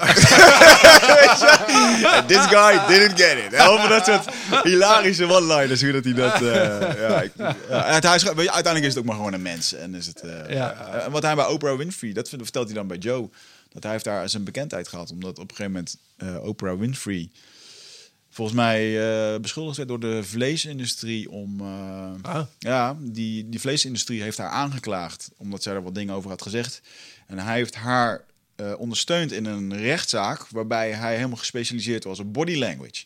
Dus hij kan helemaal aan iemand kijken of dat hij liegt of niet. En dus op videobeelden werd er dan ge- gekeken of dat Oprah op een bepaalde manier had gesproken. Fucking wazig. Dat zou je in Nederland toch niet zien in een rechtszaak, weet je wel. Ja. Dus daar, en daar is hij bevriend geworden met Oprah. En die heeft hem vervolgens de kans gegeven. En dat is Grappig, de- ja, echt Ja. wel een eindbaas hoor. Ik zou hem graag nog een keertje willen... Ik zou hem graag wel eens een keertje willen interviewen. Lijkt, me, lijkt me ook niet onmogelijk, in alle eerlijkheid. Dr. Phil, want hij is wel bekend. Maar ik weet zeker, als wij als een Nederlandse podcast... eh, eh, je zou een keer een tour maken van... hey, we zouden graag een interview met Dr. Phil. Dan volgens mij gaan Ja, we Gewoon een lijstje maken met Amerikaanse gasten en je zou Zeker. hem benaderen, zou Ja. je wel willen. Ja, Ja. Ja, en dan ben je nog dichter bij Joe Rogan. hè? Nou ja, dat is, ja, dat is helemaal een ultimum. Maar eh, het is gewoon lachen dat dat soort mensen zullen ook wel toch op een Ja, manier... maar het geheim naar Joe Rogan is niet bij Joe Rogan willen zitten. Hoorde Nee. ik laatst ook weer ergens. eh, En ik snap dat helemaal, want we voelen die vibe ook een beetje. We maakten straks nog een grapje. Er ligt hier weer zo'n envelop met twee boekjes. En zo, ah, is iemand die zichzelf uitnodigt voor de podcast. Oh, ja. Eh, hij wordt ook helemaal kapot gegooid met dat soort dingen. En Oh, ja. de mensen om hem heen. Dan moet je je voorstellen, dat, eh, dan weten mensen straks dat, dat, dat wij jou kennen. En dan komen ze bij ons. Ja, we willen graag bij Paul Smit in de podcast. Kun je dat fixen, weet je wel? Dan Oh, gebeuren ja. de mensen om hem heen ook. En dan zeggen ze ook, dan ben je al verloren. Ja. Dan, dan, dan kom je er Oh, dat heeft Patrick ook. En dan gaan mensen het ook niet zelf vragen, maar die laten dan hun neef of nicht even een berichtje naar Patrick typen. Ja, die heeft nu eh, dit boek geschreven. Dat is een hele interessant persoon. Die moet je ook echt Ja. uitnodigen. Oh, proxy Ja, invites. ja, ja, ja. En dan, eh, nee. Je voelt dat gewoon. Ja, Ja, dat de is- intentie, dat druipt ervan. nou. ja. Wat ik ook een vervelende vind, en dat merk ik dan eh, nu een beetje, omdat ik voor, straks voor mijn boek, ik heb alle interviews, heb ik altijd afgehouden. Heb ik gewoon gezegd, ik schrijf mijn boek af, dan kom ik bij je op lijn, ik schrijf het ook allemaal op, ik heb een Excelletje vol. Ehm, maar dan, ik wil niet, de eindbaas is gewoon in vijf jaar tijd tot iets gegroeid, waarbij we niet iedereen meer in de stoel willen zetten. En leuk dat je mij wil interviewen, maar dan kom ik er eigenlijk achter dat je eigenlijk mij wil interviewen, zodat, zodat je een soort van hebt dat ik jou dan ook wil interviewen Ah, ja. in mijn in, Ja, in we, eindbaas. we weten het Terwijl- helemaal zeker als we lijstjes langs elkaar leggen en we komen tot de conclusie. Oh, heeft jou ook gevraagd? Ja, heeft jou ook gevraagd. Oh, die wil hier zitten. Dat is dan de conclusie over het algemeen. Ja, dus dat, eh, maar dat, dat is eigenlijk een soort van vervelend van, oké, maar eigenlijk, eigenlijk je wil gewoon in de studio. Je hebt dus niet echt interesse in mijn verhaal, is dan mijn conclusie. Ja, een soort van, Nou, Maar ook aan de andere kant, je hebt zelf niet. laten zien, en jullie zijn natuurlijk ook heel vroeg begonnen al met podcasten, Ja. van, nou, je was ook het juiste moment, je hebt het professioneel aangepakt en je bent gegroeid tot een van de toppodcasten. Dus dat trekt en mensen aan, maar Ja. ook heel veel mensen merk ik, die kopen ook een microfoontje en die gaan ook iedereen langs. Ja. En ik zeg ook steeds vaker nee, want denk ja, dan ga je weer langs die en die en die en het is allemaal weer dezelfde verhalen. Maar ja, die denken ook, oh, dan kan ik mijn bekendheid eh, eh, upgraden op die manier. Dus, dus ja, ik snap wel dat ze dat gaan eh, kopiëren. Ja, maar op een of andere manier krijg je daar een soort eh sixth sense voor. Dat dat dan. eh, ja, misschien heb ik het ook wel mis. Uiteindelijk willen mensen natuurlijk ook gewoon. eh, ja, mensen zien gewoon een kans op die manier. Ja. Ik snap dat wel. Toch denk ik wel ehm, dat als je er echt helemaal uit zou gaan zitten van elkaar helpen, dat het ook wel weer sturend kan werken. Snap je wat ik bedoel? Dus In de podcast zien zou men elkaar meer moeten. Bijvoorbeeld, als jij nu hier voor de derde keer zit. Jij noemt dat dan iedere keer regulars, weet je wel? Ja. De regulars die bij Joe Rogan zitten. Maar eigenlijk Oh, is het gewoon... Ik bedoel, we kunnen, nog, we kunnen honderd afleveringen afnemen. Maar het zal nog iedere keer leuk blijven. En uiteindelijk is dat wel een beetje... Soms merk ik wel eens dat we in dat spanningsveld komen van... Eh, het was eigenlijk gewoon lachen, gieren, brullen in de studio. Soms wordt het te serieus en dan hangt er zo'n vibe van... Ja, maar die gasten hebben wel gehad, die kunnen het niet nog een keer doen. Ja, hoezo niet, weet je wel? Juist. Het is gewoon, ja... Ja, ik denk dat dat het is. Ik denk dat het geheim eh, voor een belangrijk deel is dat je het gewoon niet altijd serieus neemt. En dat je ook een beetje ontspannen moet blijven. Sommige gasten zijn hit en miss. En ik heb ook wel eens ergens gelezen dat dat precies is wat onze eh, vaste luisteraars geïnteresseerd houdt. Want soms, en dat herken ik ook bij de podcast die ik regelmatig luister, dan zit er een tussen en ik echt, holy fucking shit jongen, deze was echt awesome. Ja. En dan kijk ik er, eh, bij Joe heb ik dat altijd, als er een stand-up comedian tussen denk ik, Oh, ja. ah, weet je wel, oh, het is geen eh, neurowetenschap of Ja. zo. Ik luister ze desondanks. Echt? Ja Ook hoor. niet. En Nee. soms zitten daar ook echt hele leuke stukken in die ik maar waarvan ik blij ben dat ik ze mee heb gepikt. Ja. Ehm, maar er zitten er eens in de zoveel tijd, dan komt Neil deGrasse Tyson weer langs. Oh, Of, ja, eh, ja, ja, Is ja. Jocko bij eh, Ja. Joe? Nou, dat zijn ze. Die steken er dan met kop en schouders bovenuit. Ja. En die spanningsboog voor je luisteraar is ook een klein beetje gokken zit daarin. Ja. Weet je wel van, Ja. oh, is het een goeie of is het geen goeie? Ehm, en als het dan een goeie is, gaan er nog meer beloningssysteem aan. En dat houdt ze ook iets meer aan je gekluisterd. Want ze kunnen een, they're chasing that dragon van die goede podcast, weet je. Want dat voelt op een bepaalde manier. En, en je, je hoop is ook een keer dat het er zo een is. Dus zo af en toe, als er eens een keer wat mindere tussen zou zitten, omdat het niet per definitie een, een A-label artiest Ja. of bekendheid is, is vanuit dat perspectief ook niet eens super slecht. Nee, precies. Hey eindbazen luisteraar, dankjewel dat je zit te luisteren naar deze podcast. Ik onderbreek hem eventjes voor een hele belangrijke boodschap. Of misschien liever gezegd een uitnodiging. Want op 24, 25 en 26 mei, dan is er weer een nieuwe editie van Rite of Passage. Dat is mijn retreat voor persoonlijke ontwikkeling.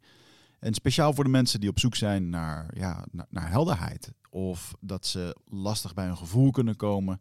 Dat ze moeilijke beslissingen moeten maken. En dat ze zo ontzettend in hun hoofd zitten ja, dat ze er eigenlijk gewoon niet meer goed uitkomen. Of dat ze misschien al heel lang in een, ja, een soort van oud gevoel zitten. Dat ze dat gevoel willen transformeren.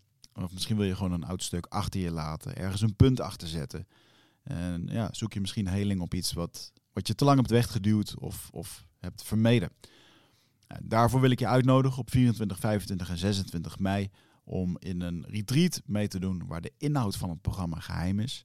Waar de belofte is dat het oncomfortabel wordt. Want jij begrijpt als geen ander dat als je die volgende stap wilt maken, ja, dan zul je uit de comfortzone moeten komen. En ik garandeer je, laat mij dat proces begeleiden met jou voor drie dagen. En je leven zal daarna nooit meer hetzelfde zijn.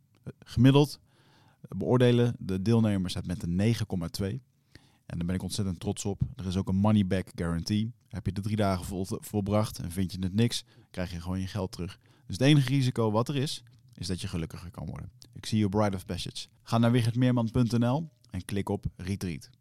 Ja. Want dat houdt die Maar wat is dan, wat is dan een goede gast? Want het is, su- het is toch heel subjectief. Die comedians van Joe Rogan luister ik gewoon per definitie niet. Eigenlijk omdat ik ze niet ken en omdat het Oh, te veel info is. En ik heb er helemaal geen tijd voor. Maar het is ook voor iedere luisteraar weer anders. Hè? Ja, nee, ik, bedoel, sure. ik vind bepaalde thema's die jullie behandelen super interessant en andere sla ik ook over. Ja, Wat zei je over? Eh, Ja, als je- vechtsport, ik, hoor- ik, ik hoor heel vaak de nee, ik zou vechtsport, niet eens alle namen vechtsport gerelateerde. Die luister ik niet. Hoor ik heel vaak. Ja. ja, sommigen luisteren juist alleen die. Dus, Ja, maar dat is ook zo. En dat is ook interessant. Dat soort. eh Wat doen jullie eigenlijk met eh, de vodgasten? Want jij bent iedere week eh, lanceren jullie ook nog wel. Nee, om de twee weken. Om de twee weken. Dat is gewoon. Ja, we vinden het gewoon. eh, het fijne van de vodgaat is, er hangt niks van af. Wij vinden het zelf gewoon leuk. We gaan zitten, we bereiden er niks voor. Heel soms heb ik een filmpje eh, klaarstaan. En dan gaat de microfoon aan. En dan eh, zien we wel wat er uitrolt. Dus, en ik merk dat bij Guido ook, bij heel veel wat je doet. Hè, dan wil je die theaters vol krijgen. Je moet- probeert overal het maximale uit te halen. En die podcast is van een soort speeltuin van... dit Ja. vinden wij leuk. ja. En, en het is gewoon relaxed. Dus dat, eh, maar dat heb ik met de podcast met Patrick ook. Ja. Da- daar hebben we wel heel veel luisteraars inmiddels, maar daar hangt, wij hebben ook nog steeds geen sponsor bijvoorbeeld. Nee. Ja, dat zou echt wel, eh, zeker in jullie eh, formaat en in die hoek, kan je er echt wel een... eh, Ja, maar dat, joh, we verdienen geld genoeg. En, en ik denk dat wat die podcast waar je het net over hebt typeert, is dat je ze ook zou doen, ook al zou er niemand naar luisteren. Ik heb ook wel eens het idee Ja. gehad dat dat het geheim is van, eh, van een goede podcast. Als er iemand zit. Ja, het is leuk dat de mensen luisteren. Maar we hebben ook wel eens gezegd, zou, ook al zou het eh, de helft minder luisteraars zijn, zou ik het nog steeds doen. Jij zit de grens er echt niet rot op, zeg. Nee, nee ik, zit, ik, ik zit, ik zit ondertussen met mijn hoofd te denken over sponsoren. Dan moet ik denken aan die Dr. Phil. Die maakte in het begin maakt hij een, eh, zit hij een minuut lang te praten over een of ander eh, boenmiddel voor je parketvloer. Doet hij zelf. En halverwege zegt hij, jongens, jullie echt heel goed doet hij dat. Halverwege heb je zo'n apart erin ge- geknipt. jongens, jullie weten dat ik ontzettende fan van mijn vrouw ben. En zij heeft een of ander eh, massageproduct. eh, jullie kijken al, al jaren naar mijn kale hoofd. Nou, het, heeft onder andere daar, het is onder andere daarop getest. Weet je wel. Zo maakt hij dan een heel verhaal over haar beautyproduct. En dat, dat doet hij toch wel goed. Maar ja, net als Oprah Winfrey zit ook gewoon, eh, daar hoor je ook gewoon spotjes over zeepjes in het begin. En, en het is echt super commercieel. Net een televisie. ja, maar ook dat ze zo'n camerabeet heeft van... ja, ik heb hem zelf ook. Eh, even, of hoe ging die ook weer aan? Ja, ja, ja. Je hebt hem zelf niet. Ja. Maar ja, nee, ja ik, ik vind het ook wel... eh, ik wil die met Patrick hou ik sowieso reclamevrij. Ik vind het gewoon relaxed. Ja. Het is gewoon... Ja. prima zo. Hey, trouwens, één dingetje waar ik het in de context van eh, eh, Guido nog wel eventjes... Want ik, toen je de vraag stelde, zei ik volmondig... Ja hoor, doen we wel. En toen later dacht ik, ja, waar heb ik nou weer ja tegen gezegd? Weet je nog? Oh ja, het grappige filmpje. Wat was het idee precies? Want daar heb ik verder niet eens over Oh nee, ik, ik ben nog verder aan het... Ik was met script bezig, maar ik heb een heel, heel kort filmpje. En, maar ik ga nog niks verraden qua grappen. Oké, we met Guido en jullie. En ehm, het is gewoon een filmpje van twee minuten of zo. Gewoon eh, humor. Maar daar eh, wordt aan gewerkt. Dan Ik heb inmiddels met de baas overlegd, die zei ook ja. Ah. Wat gaan ze doen als je zegt, weet het niet? Ik heb gewoon bij voorbaat ja gezegd. Dat is heel gevaarlijk met deze mannen. eh, Ja. nee, maar dat, dat komt Komt goed, oké, Ja. check. Nou, dan wachten we nog eventjes. eh, Wij moeten gewoon een keertje naar de RTL-studio komen om 11 uur s'avonds live. En dan, Ja. eh, dan komt het helemaal goed. Nemen de tent daar even over voor een paar uurtjes. Maak je nog zelf veel, eh, veel content, grappige dingen en zo? Of eh, omtrent het non-dualiteit of filmpjes en dingetjes? Eh, ja, veel, ik ben nu veel sprekers aan het opleiden. Dus die help ik met hun prestatie en techniek. En met hun prestatie, daar eh, ben ik wel veel filmpjes en dingen aan het maken. Ja, Hmm. dan, eh, ja en dat vind ik wel leuk. Maar, maar dan leid je ze op voor jouw gedachtegoed wat je nu Nou, hebt. niet zozeer mijn gedachtegoed. Ze kunnen gewoon zelf met hun thema's komen. En dat heeft meestal wel natuurlijk met menselijk gedrag te maken.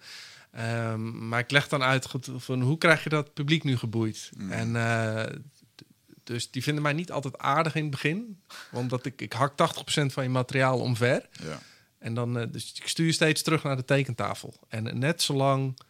En, en bij cabaret ben je ook bezig om per woord zelfs te kijken. Klopt die? Is die goed getimed? Kan die weg? Kan het korter? Kan het strakker? Ja. En zo wil ik de presentaties op het podium ook. Hè, dus, en dus vaak zie je dat als mensen een stuk inleiden met zeven volzinnen. Zeg ik, dat kan ook in, in eh, drie of vier. Dus dan is het continu slijpen. Ja. En ik ben nu bijvoorbeeld een neurowetenschapper aan, het- aan het opleiden. Ja, zij is gewend om, om, om heel gedetailleerd en uitgebreid te praten. En dat is superleuk als je voor professoren staat. Ja. Maar niet als jij een publiek moet boeien die niet op jou zitten te wachten. Ja. Dus die, eh, die heeft continu... Oh ja, hè, doe ik het weer. Dus dat is... eh, en eh, ja, daarna moet je gewoon die show, net als bij cabaret, uit je hoofd leren. Ja. Dat je gewoon... Dat het in je reptiele brein zit. Dat wat inhoudt dat als je daar staat... kan jouw onbewuste brein dat vertellen. Hm. En dan heb je nog energie genoeg over... om nog te schakelen en ad rem te zijn. Ja, ja, om dan de trucjes toe te passen van het heen en weer lopen. En eh, wat Remco en Klaas ook wel. Eh, techniek, ja. Ja, ik wou net zeggen, je bent een beetje Remco eh, in dat opzicht. eh, die, die zat ook in het, het verbaal meesterschapstuk. Daar ben je meer Ja, het overbrengen van je boodschap op een goede manier. De, de strik eromheen, de Juist. verpakking. Ja. Ja, Ja. Ah, vet. Terwijl de inhoud van de mensen is gewoon de inhoud die ze zelf op dat moment... Eh, ja, dan, dan help ik wel een beetje om dat eh, interessant te maken. Mhm. Maar ja, dat vind ik leuk om te doen. Ja, Ja. snap ik. Is het ook. Vooral als, vooral als iemand die het al heel veel heeft gedaan. En je mag mensen die er relatief mee starten. Het heeft natuurlijk een ontzettend effect op eh, hoe zij een verhaal overbrengen. Ja. En ze zullen zien dat hun impact daarmee toeneemt. Eh, hopelijk ook het aantal Ja. boekingen natuurlijk. Maar ik kan me voorstellen dat het heel dankbaar werk is ook. Nou, ik ben nu met Martine Sandivoort aan het schrijven. Zij is eh, van Koefnoen en de tv-kantine zit ze in. Ah, ja. En eh ze is supergoed in typetjes. En dat vind ik ook interessant. Zij heeft toen Kameretten gewonnen 20 jaar geleden. Dus die heeft zoveel kilometers gemaakt. En dat is voor mij heel fijn, want die hoef ik niks uit te leggen over techniek. Maar dat is gewoon puur op het, eh, het schrijven. En zij heeft een andere vorm van humor. Dat vind ik heel interessant. Om Ja. dat eh, op die manier te doen. Zo leuk. Ik heb zelf dat idee. Ik heb dat concept nog eens ergens opgeschreven. Lijkt me superleuk. Ik ga het gewoon weggeven, want ik ga het toch niet doen. het lijkt me superleuk om een YouTube-kanaal te starten dat super spiritueel heet. En dat je dat dan een beetje op de hak neemt, weet je wel. Ja. Met, eh, eh, ik noem maar eens even wat, dat je met je indianentooi eh, poedertjes uit de Amazon en dan heel je heel zo'n kan, zo, zo'n kan vol met kook of zo, weet je, dat soort onzin. Dat lijkt me echt heel erg grappig. Of gewoon mensen in onze Nederlandse spiritualiteit zien. Dat je die als de tv-kantine een beetje op de hak neemt met z'n Ja, dingen. ja. Super humor. Hoe heet die dude ook? Ja, ja, uit Met dat Amerika, haar, met met dat- ja. Daar moet ik direct aan denken, aan die yoga-gast. Super grappig. Of de, de, wat had ik nog meer bedacht? De, de, hum, de, de humble eh, guru. De humble guru. Oh ja. dat vond ik ook een hele goeie. En dan zo'n soort overdreven blauwe jurken, witte kralen gast. Super spiritueel, maar Ja. zo dik erbovenop dat iedereen denkt... Ja, en gewoon helemaal niet humble, weet je wel. Gewoon een fucking ego gedreven. Zoals de meeste. ja, dat vond ik wel, trouwens, ik heb daar nou vaak over na zitten denken. In de, in de zin van, eh, we hebben het toen wel eens over emoji gehad in de allereerste podcast. Oh ja. dat jullie daar toen geen, of misschien was dat met Patrick, dat, er geen, eh, dat jullie konden geen interview met hem eh, regelen. En ehm, ik ging een keertje naar Portugal en toen werd ik getipt door iemand van, joh, ga je naar Moji toe? Oh ja. En toen heb ik eens even gegoogeld, want ik vind Moji altijd mooie dingen vertellen. Eh, als ik dat voorbij, het is een hele mooie Rasta meneer die eh, het licht heeft gezien. En eh, die heeft dan een soort van bedevaartoord in, schijnbaar in Portugal, waar je Ja. voor satsangs heen kan komen. En ik, ik keek ernaar en ik dacht, hier ga ik no way heen. Waar al echt mensen zijn voeten aan het kussen zijn. En waar die dan ook zei, ja, ik vond het zelf ook altijd fijn om de, de voeten van mijn meester te kussen. Dus als mensen willen doen, daar, daar vind ik helemaal niks van. Dat mag allemaal. En ik dacht echt, en mensen zitten dan helemaal, ja, gewoon in van die witte kleden. vond, nee, ik werd er Ah, gewoon een beetje kriegel van. Ja, maar, maar dan inderdaad, eh, in hoeverre is dan, dan zo'n Moji, het is echt wel een slimme man. Eh, maar ja, dan ben ik toch heel benieuwd van, kan je daar eens wat meer over vertellen? Hoe beleef jij dat dan? Hoe kijk jij daar naar? Nou, ik hoor natuurlijk wel eens wat achter de schermen gebeurt. Eh, Bij Kijk, jullie. ik, eh, ook bij ons. Maar ehm, kijk, wat ik gewoon zie, is als we het vanuit de oertijd bekijken, dan zien we daar een alfaman die eh, zich etaleert. Ik ben eh, de leider, mij moet je volgen. Wat ons brein graag doet, vooral het brein wat onzeker is en zoekend, want die wil een houvast. Dus ga je dat aanbidden. En wat je dus ziet is pure seksuele selectie. Hè? Dus de alfaman krijgt nog meer testosteron, gaat zich dus nog hoger zitten. Hij gedraagt zich op het podium totaal anders dan daarbuiten. Ook qua taalgebruik. Hè? En, en dus het is, een, het is een soort imitatie eh, van een guru die die neerzet. En dan zie je dat mensen dat gaan aanbidden. Dus het is vanuit de oertijd een heel logisch gedrag. Maar het heeft natuurlijk helemaal niks met verlichting of ontwaken te maken. Dit is gewoon in de oertijd... ik wil me vasthouden aan de leider. Ja. En daardoor krijgt de leider meer vrouwtjes en meer aanzien, et cetera. Ja.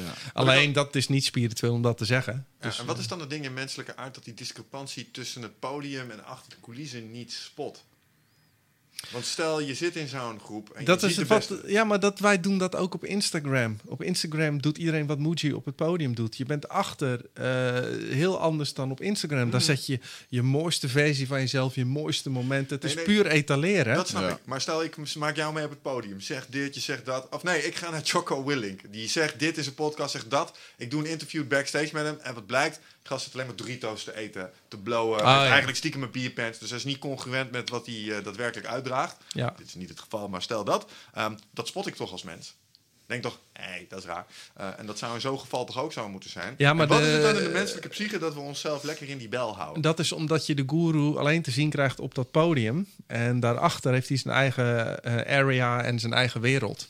Hè, dus, dus wat wij geëtaleerd krijgen, strookt niet met de werkelijkheid. Maar omdat we dat niet kunnen zien, ja, geloven wij dat.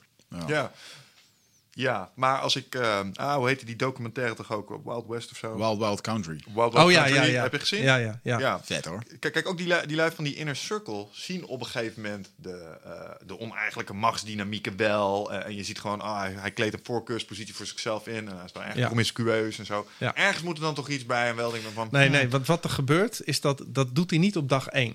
Dat is een proces wat geleidelijk gaat over een aantal jaren. En alles wat geleidelijk gaat, nou de kikker in de, de, de pot, hè, als de temperatuur geleidelijk stijgt, springt hij er niet uit.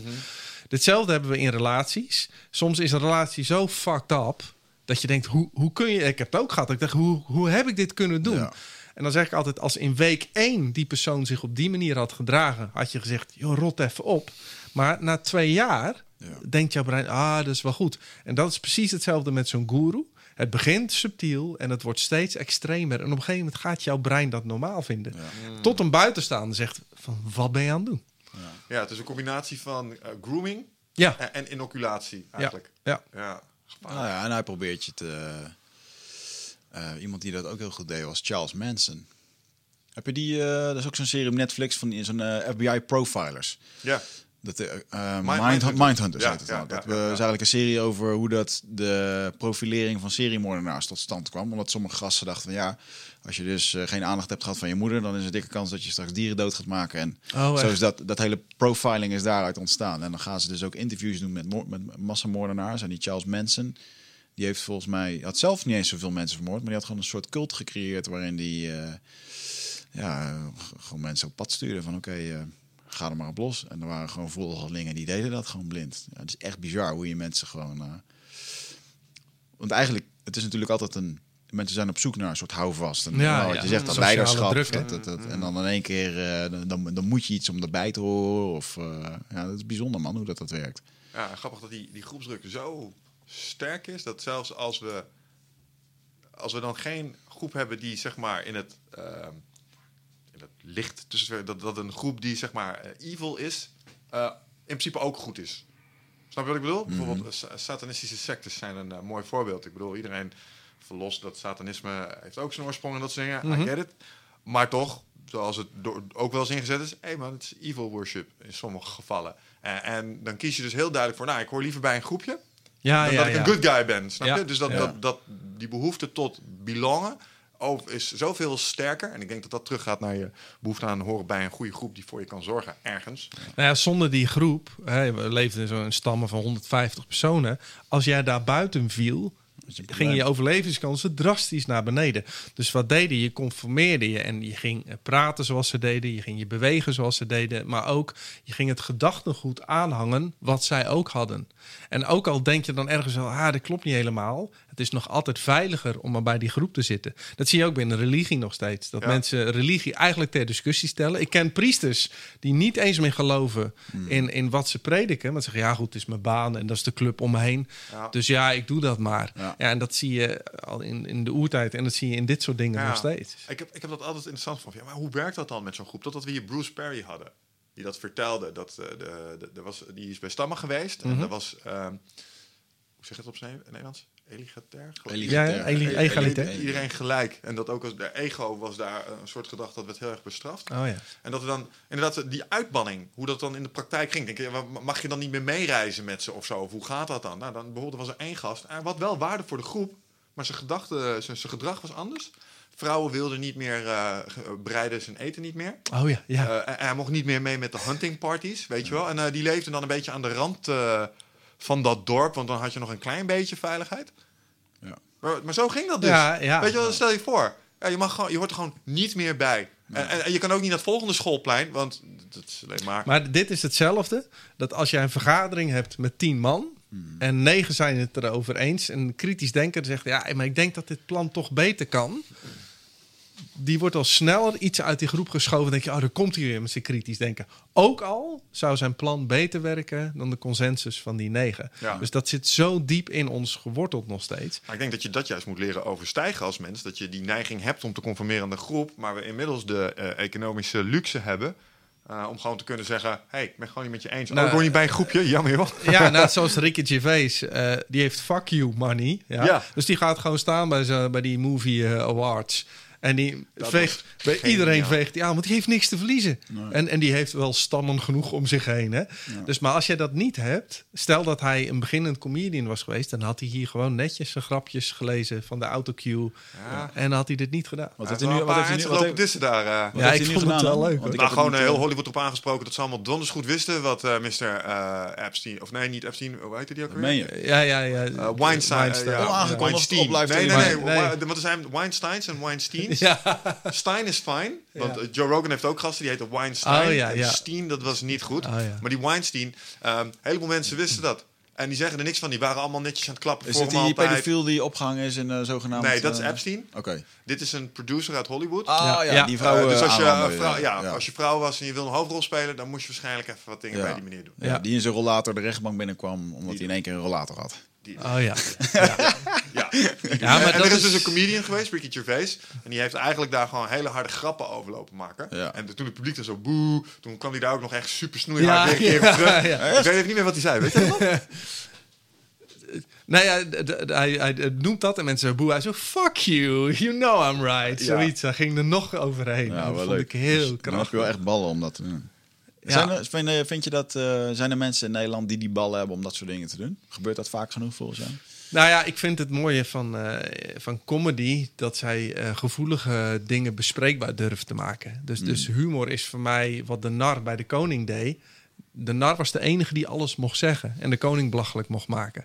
En ik vind dat dat de rol is van de comedian. Die mag misstanden in de maatschappij benoemen en die mag daar een kritische blik op hebben. En wat is de nar? Een hofnaam. De joker. De, de hofnaam. Ah, die, oké. die, Ja, ja, die- ja, die oké. vroeger had. was de enige die mocht voor de koning staan. En die mocht grappen maken over de koning zonder gestraft te worden. Oh, wauw. En eh, dat is in deze tijd, doet de comedian dat. Dus die benoemt pijnlijke zaken eh, op een humoristische manier. Ja, ja, en ja. ik, ik vind dat een heel belangrijk cultureel eh, element. Grappig. Ja, wat, want als je daarover nadenkt, waarom zouden ze dat hebben toegestaan in die tijd? Waarom mo- moesten... Want ik denk dat je als, als koning, eh, neem jezelf serieus, vooral in die tijd. En het feit dat je toch zo iemand tolereerde dat doen, dat zal ook een functie hebben gehad. Dat moet een functie hebben gehad. Wat hè? denk je dat die functie was? Nou, enerzijds eh, eh, eh, het durven te relativeren. Maar anderzijds, wellicht is het de koning die eh, laat zien... Kijk, ik kan ook zelf spot eh, waarderen... waardoor je status weer wordt vergroot. Ja, Ja. En, en misschien omdat de, de nar het mag zeggen, eh, dus een bepaalde misstand kan benoemen. Men hoort dat, het is gezegd, Ja. het is geëxpliciteerd. Juist. En nu gaat de druk er toch een klein beetje vanaf. Ja, dat is een hele Ja. goeie. Ik denk dat dat het is. Ja, ja. Ja. Ja, Ja. ik denk ook wel het controlestukje van zo'n... Als je gewoon een koninkrijk had, dat moest wel gehandhaafd worden. En ik denk dat je toen gewoon nog heel primitief kon denken... ja, dat betekent dus dat je niet gaat lopen spotten met eh, de, de koning. Want dan we je handjes eraf. ja. Ja, als je geluk hebt. Als je, als je Heb man je er wel eens over nagedacht? Dat als, vroeger, als je gewoon een broodje stal... Dat je gewoon zo'n eh, dat je hand gewoon op een of ander marktplein gewoon onder een guillotine kwam te hangen. Ja, dat nee, je gewoon de, dat je gewoon eh, beeld je dat nu eens in. Dat je gewoon je handje door Ah, een of andere beeld Nee, daar zo nee, ook niet gaan, jongen. Oh man, er is een reden dat ik niet meer naar die Hardcore History podcast luister. Ja. Die heeft er eentje uitgebracht, eh Paintertainment. En dat ging over... eh, ja, dit is een gast, Ja. eh, Dan Carlin. En die bespreekt de geschiedenis vanuit eigenlijk alle harde gruesome facts. Bijvoorbeeld, eh, Oh. hij heeft er één over de Mongols. Vijf afleveringen van eh, drie, vier uur plus. Oh. En, dan, en, dan, en dan zoomt hij met name in over hoe, wat voor vrolijke jongens eh, de Mongols waren. Als ze voor je stad kwamen en je gaf je niet over... Nou, dan vermoorden ze iedereen. Schoten ze gewoon En- en een van de- lijken met katapulten. Ja joh, en een van de meest gruwelijke intimidatietechnieken die ze hebben gebruikt... was volgens mij bij de stad Kiev. Toen hebben ze alle boeren hebben ze verzameld. Die hebben ze voor de stad hebben ze die op elkaar gestapeld. Dus gewoon liggen, volgende erop. Tien lage mensen. Daar hebben ze een plank opzet... en dan zijn ze met het hele leger bovenop gaan lunchen. En die mensen die stikten gewoon langzaam, die werden verdrukt. Mongols, leuke lui. dus die Hardcore History podcast gaat nogal in op de gruwelijke details van, eh, van ons verleden. Ja. En hij heeft er één over paintertainment. Dus waarom publieke executies, Ja. eh, waarom die nodig waren. Waarom was niet als iemand slecht was, waarom kon hij niet gewoon zijn nek omdraaien? Waarom Mhm. Ja. was dat niet goed genoeg? Omdat voor degene die de zonde wat begaan, ehm, was dit een gegarandeerde ticket de hemel in. Dus, het- dus het was Oh. voor, voor degene zelf ook, voor zijn zielsrust, was belangrijk. En dat wist ik dus niet. Maar als je werd geëxecuteerd, was het heel gebruikelijk dat je in interactie ging met je publiek. Want Oh, jij echt? was even de entertainer. Ja, dan werd je hand eraf getrokken en dan, oh, dan ja, volgende. De, de- gewoon dat je een hele gesprekken voeren ook met het publiek. was echt helemaal een ding. Terwijl, terwijl jij... Terwijl je werd gemarteld, ja. Ja, dat was, dat was onderdeel van je boetedoening. Dat het publiek dan juichte en dat jij er ook een soort van in meeging. Ja, gruwelijk. En, en dat is dus, eh, als je het hebt over je voorstellen. Nou, ik heb daar een paar details geleerd over manieren waarop mensen aan hun einde zijn gebracht. Ik zal ze hier niet delen. Ja. Eh, dat ga ik je gewoon niet aandoen. Nee. Want, want daar zijn we echt fucking creatief in geweest. echt heel creatief. Dat je denkt van, Jezus, hoe verzin je dit? Zonder dat, dat je duidelijk... ehm, nou, het is bijna demonisch. Het is gewoon Maar, demonisch. hoe, maar hoe, Klaar. hoe verzin je dit in de zin van als je aan ons schreef van jongens, bedenken jullie eens even een apparaat waarmee we mensen echt pijn kunnen doen. Waarbij- Dat, ze, dat ze gaan praten als Ja. we dat willen. Ja. Nou, daar kom je wel. Nou, ja, dus ja, dat heb ik me wel eens voorgesteld. Ja. Eh, maar ook de andere gruwelijke... eh, een persoonlijke... Ik geloof niet in eh, vorige levens. Maar als het waar zou zijn, dan ben ik in een vorig leven een keer levend verbrand of zo. Snap je? Als ik daarheen ga Ja. in mijn hoofd, Ja. daar kan ik niet. Nee. Daar, je- daar, gaan, eh, d- daar zitten blokkades voor. Van, van nee, dit ga jij je niet inbeelden, vriend. Ik denk dat jij die monnik was in de Vietnamoorlog. Die Monnik in de eh, Vietnamoorlog. Oh, ja. ja. die hebben zichzelf wel uit protest eh, eh, met benzine overgoten en dan aangestoken. Volgens mij leefde ik toen al toen dat gebeurde. Ja, ja, ja. ja. Toen was ik al. Ja. Nee, de Vietnamoorlog was toch in de... Was het in de 60er jaren? Dacht ik. Ja, is 60, 60 ja. ja. Oh, wacht even. Misschien leefde ik nog niet. Ja. Oh nee, nee, wij waren Maar net daarna. Hè? Monniken hebben zich wel vaker in brand gestoken, ook in China later Ja. nog. En, Ja. eh, dat is ook niet heel Zo fijn, eh. bizar. Dat is ook wel bizar. Dat mijn vriendin, die had een, eh, mijn ex-vriendin moet ik zeggen, Ehm, die had een kledinglijn in, en, eh, dus ze ging naar China om dan daar te laten produceren. En die probeerde dan echt eventjes in gesprek te gaan met zo'n Chinees in zijn fabriek. Van, joh, eh, weten jullie wel dat eh, China ja, gewoon daar monniken zo eh, bij Tibet eh neerschiet en doet. En ja, maar die mensen, wat die mensen hebben gedaan, is ook niet normaal hoor. Weet je. Oh, zo. Ja, ja, ja. Ja, ja, ja. wat ja. hebben die mensen gedaan behalve op die bergen zitten? Ah, niet geluisterd naar de almachtige leider. Dat moet je gewoon niet doen. Oh man, dat is echt... eh, Maar het Ja. positieve is wel dat als we de grafiek bekijken, dan zien we dat dit de beste tijd is ooit. Hè? Dus er worden minder mensen gedood, Ja. minder oorlogen, minder hongersnood. Eh, dus, dus eh, het is fijn dat we nu leven. En eh, sterftecijfer neemt af in ja. een aantal derde wereldlanden. Ja. De gemiddelde leeftijd neemt toe. ja, Uh, Steven Pinker heeft daar een boekje over geschreven. Dus, ik geloof dat het Abundance heet. oké. Um, en dat is alle positieve dingen Ja. van. Ja, van die Rutger Bregman had ook, hè, waarom de meeste mensen deugen. Die, ging ook. En dat, dat vind ik wel interessant, dat in heel veel oorlogen eh, heel veel mensen, als ze op de vijand moesten schieten, expres erboven schoten. Ja. Omdat ze gewoon niet iemand wilden vermoorden. Nee. En dus ik denk wij mensen zijn, dat zei George Carlin al eens, eh, people are great, groups suck. Ja. En dat is denk ik wel waar. Ik denk dat de meeste mensen, we hebben 1 op de 100 is een beetje eh, psychopathisch, hè? dat valt wel mee. Dus in de dierenwereld ook. Ehm, maar de meeste mensen deugen wel. Het is alleen de druk van de groep die maakt dat we soms een beetje krankzinnig worden. Denk je dat dat ehm, naarmate we verder zijn gekomen in de tijd meer of minder is geworden? Want als ik, ehm, nou, best wel vaak over gehad, ik luister heel veel naar Jocko en die behandelt dan boeken vanuit vroeger. Ja, Eh, de, de oorlogsveteranen. Als je hoort hoe fucking eh, de Napoleonistische oorlogen eraan toe gingen, als je dan Rusland in moest, ja. was niet leuk als voetsoldaat. Nee, is niet Eh, zo heel leuk. Maar als Romeinse soldaat was het ook niet altijd een pretje. Dat ging best wel gruwelijk eraan toe. En die lui, uh, van de Napoleonistische oorlogen, was oorlog was iets glorieus. Ze keken uit naar de tegenstander treffen, Ja. weet je wel. Van, Dat was een kans op, op roem en glorie. Die, die benaderden dat echt beduidend anders. Ja. En ik heb ook de verhalen gehoord, inderdaad, uit de Tweede Wereldoorlog... dat mensen, of eh, in de loopgragen tegenover elkaar... eh, dat ze daar moeite mee hadden. ja. En ik denk, komt dat omdat we eh, naarmate de loop der tijd beter zijn gaan realiseren wat de consequenties van zijn? Of heeft welvaart en een stukje gemak gewoon voor gezorgd dat dat stukje savage eruit is? Ehm, Nou, je ziet dat die groepsdruk wordt minder naarmate we individualistischer worden. Maar ook naarmate we bijvoorbeeld financiële vrijheid hebben Ja. of, of eh, minder gebonden zijn.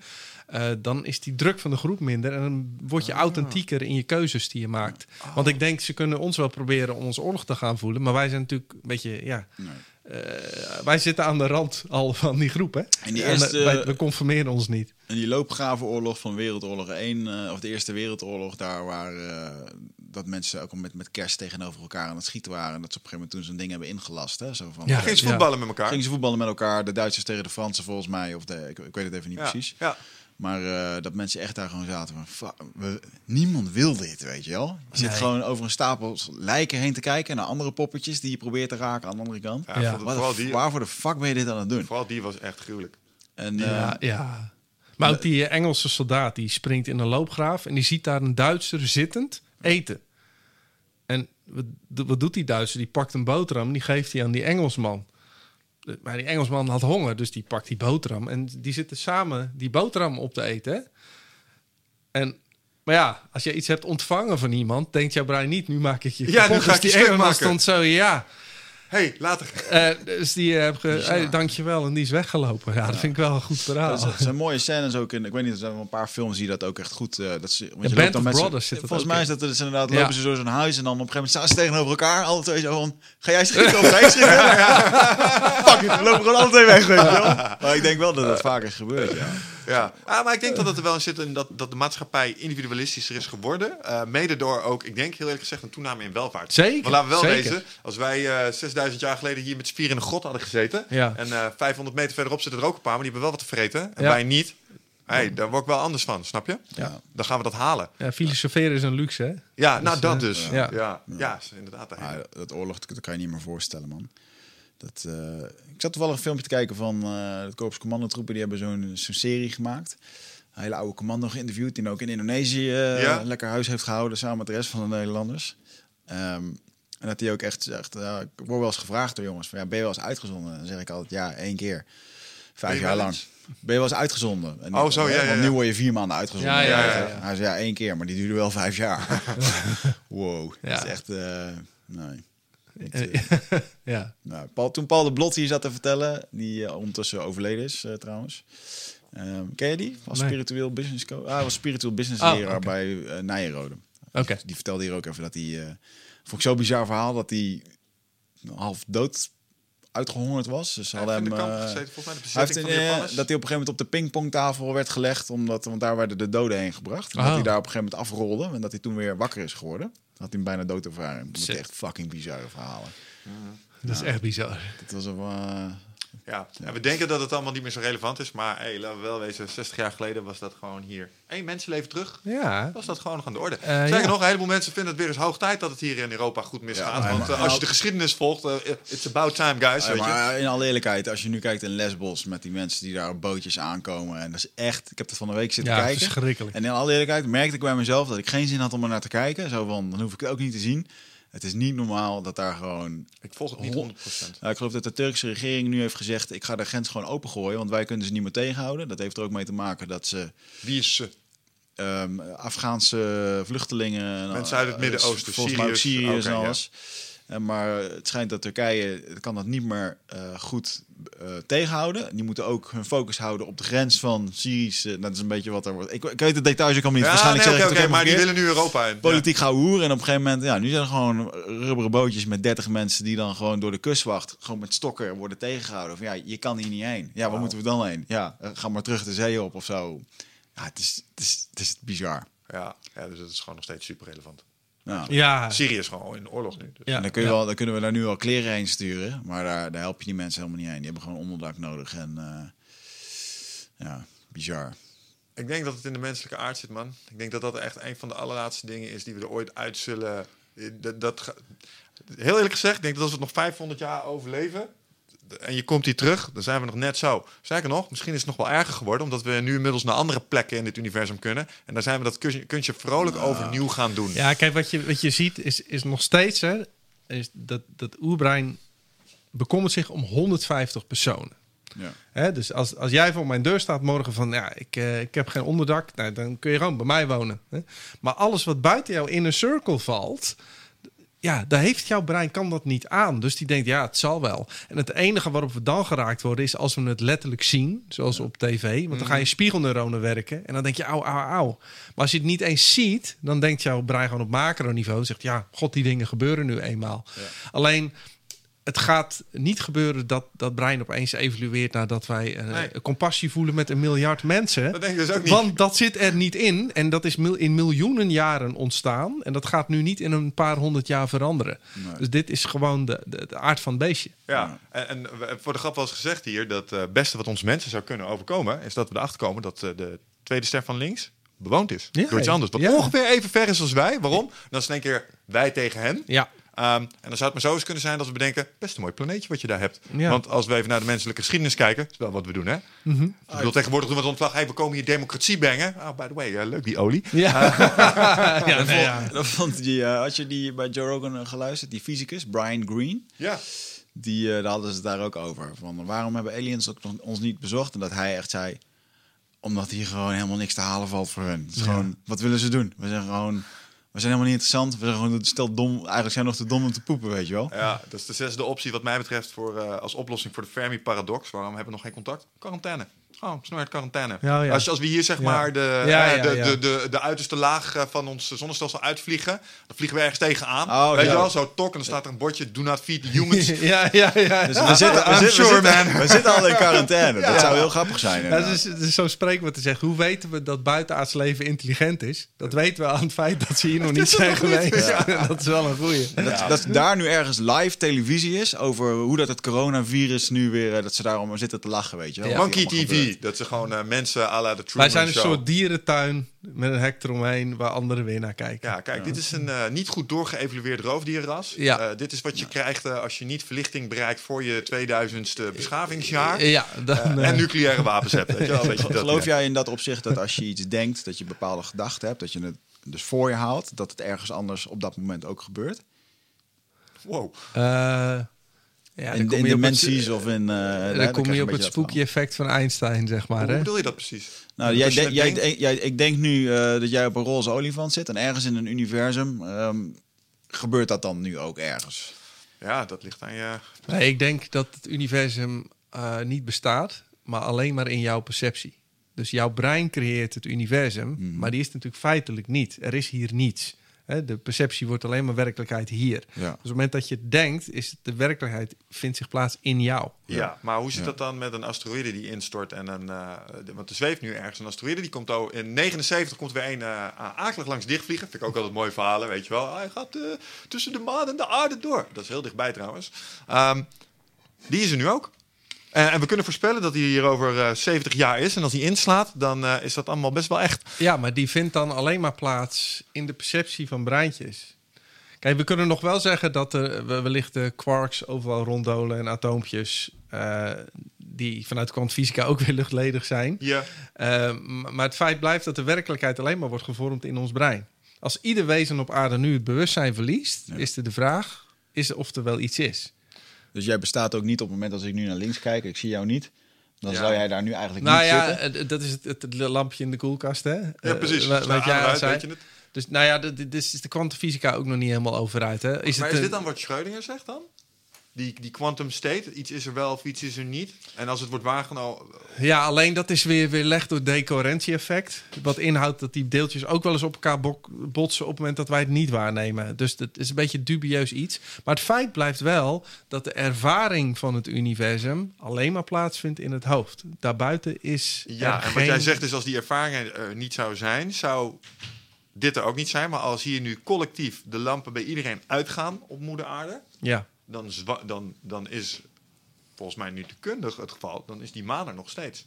Eh, en dan is onze zon er ook nog steeds. Eh, want er zijn ook sterren die wij niet kunnen waarnemen, waarvan we het effect wel, het indirecte effect kunnen zien. ja, dus dan kun je zeggen dat de energie waaruit ze eh, zijn opgebouwd, is er altijd. Is er gewoon. Dat is een beetje Einstein's Ja, dus een beetje arrogant om te denken dat als deze rendermachine er niet is, eh, dat het ook niet bestaat. Nee, maar ik vind het wel een goed woord, de rendermachine. Omdat het beeld wordt gevormd in ons brein. Ja. Nou, wat, wat natuurlijk wel zo is, is dat het maar de vraag is of de werkelijkheid echt er zo uitziet. Zoals hij eruit ziet. Want Nee, we- kijk, deze tafel die zien wij als bruin. Maar die is alles behalve bruin. Ja. Want de frequentie die wij interpreteren als bruin is de enige die die teruggooit. Ja. Dus, dus het is precies andersom eigenlijk. Dus de werkelijkheid eh, die wij als waar aannemen is eigenlijk totaal subjectief. Ja. Bizar, hè? Maar de vraag die, waar, waar Wigert aan refereerde, volgens mij is dat het idee is dat het universum zo ontzettend groot is.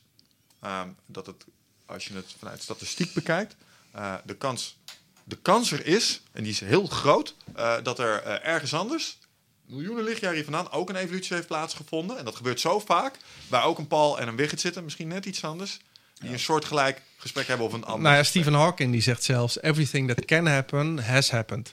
Dus die zegt, eh, als een soort AI-machine... Die, die miljarden realiteiten tegelijk creëert. Dus eh, wij houden hier nu een podcast... maar in een eh, iets andere versie hiervan... ben ik hier nu ook niet. En er zit hier iemand anders. En heb je de vakantie naar Parijs niet geboekt en nu wel. Dus, dus zijn een van zijn theorie is dat, dus dat, dit maar één versie is van wat er plaatsvindt. Ja, terwijl er miljarden tegelijkertijd zijn. Kunnen wij met ons verstand moeilijk bij, Nee. althans ik. Uh, maar goed, dan denk ik ook, wat heb ik eraan? Want ik ervaar nu echt alleen maar Ja. deze realiteit. Nou, dat is dus inderdaad wel een eh bestaat de tijd. Ja, in onze realiteit wel. Eh, ja, maar dat is alleen maar onze perceptie. Ja. En, en tijd is daarnaast eh, totaal subjectief. Ja. Maar het is wel dat eh, daar is ook wel een discussie over dat die tijd pas vanaf de, volgens Hawking vanaf de oerknal eh, ontstaat. Daarvoor Ja. was er niets. Wat, wat we weten. Misschien is het Ja, ook wel... Hè, wat die Brian Green zei, is misschien was het ook wel één oerknal in een, in een space, één van vele. Ah, dus, zo, eh, ja. pa- paar, paar, eh, dus uit- het is zo groot Ja. dat onze oerknal die past in iets waar meerdere oerknallen in kunnen plaatsvinden. En het is eh, ja, net zoals dat je een steen in de, in de vijver daar gooit, zegt niks over de oceaan daar zo. Zo groot is het er. Ja, ja. Eh, en dat zou ook kunnen. Maar er is wel degelijk een pijl destijds. Want er was een nulpunt, singulariteit. Daar komen allerlei dingen uit voort. Entropie is een ding. We gaan naar de hittedood van het universum toe. Ja, maar- en daar is een A naar B Het verplaatsing. feit dat dingen veranderen en verouderen wil niet zeggen dat er per se tijd eh, aan gebonden Nee, is. maar dat is wel een, een verandering van eh, staat. En dat, dat is wat je... eh, deeltje gaat Ja. van A naar B. Ja. En dat is wel een wijziging. En dat zou je tijd kunnen noemen. Ja. Nou, in, onze in onze realiteit wederom weer. Ja, ze zeggen het ook wel. dat Je hebt allemaal foto's naast elkaar of Ja. zo'n Ja, ja, ja. filmstrip. En eigenlijk is er geen tijd, want het zijn onafhankelijke strips. Maar doordat ze eh, elkaar opvolgen, creëert ons brein het, de perceptie van tijd. Ja. En dan heb je natuurlijk het time-space eh, eh, concept van Einstein. Hè? Die zegt ook dat hoe sneller jij door de ruimte gaat, des te meer de tijd krimpt. ja. Dus, dus tijd is niet zo objectief als dat de mens vaak denkt. Nee.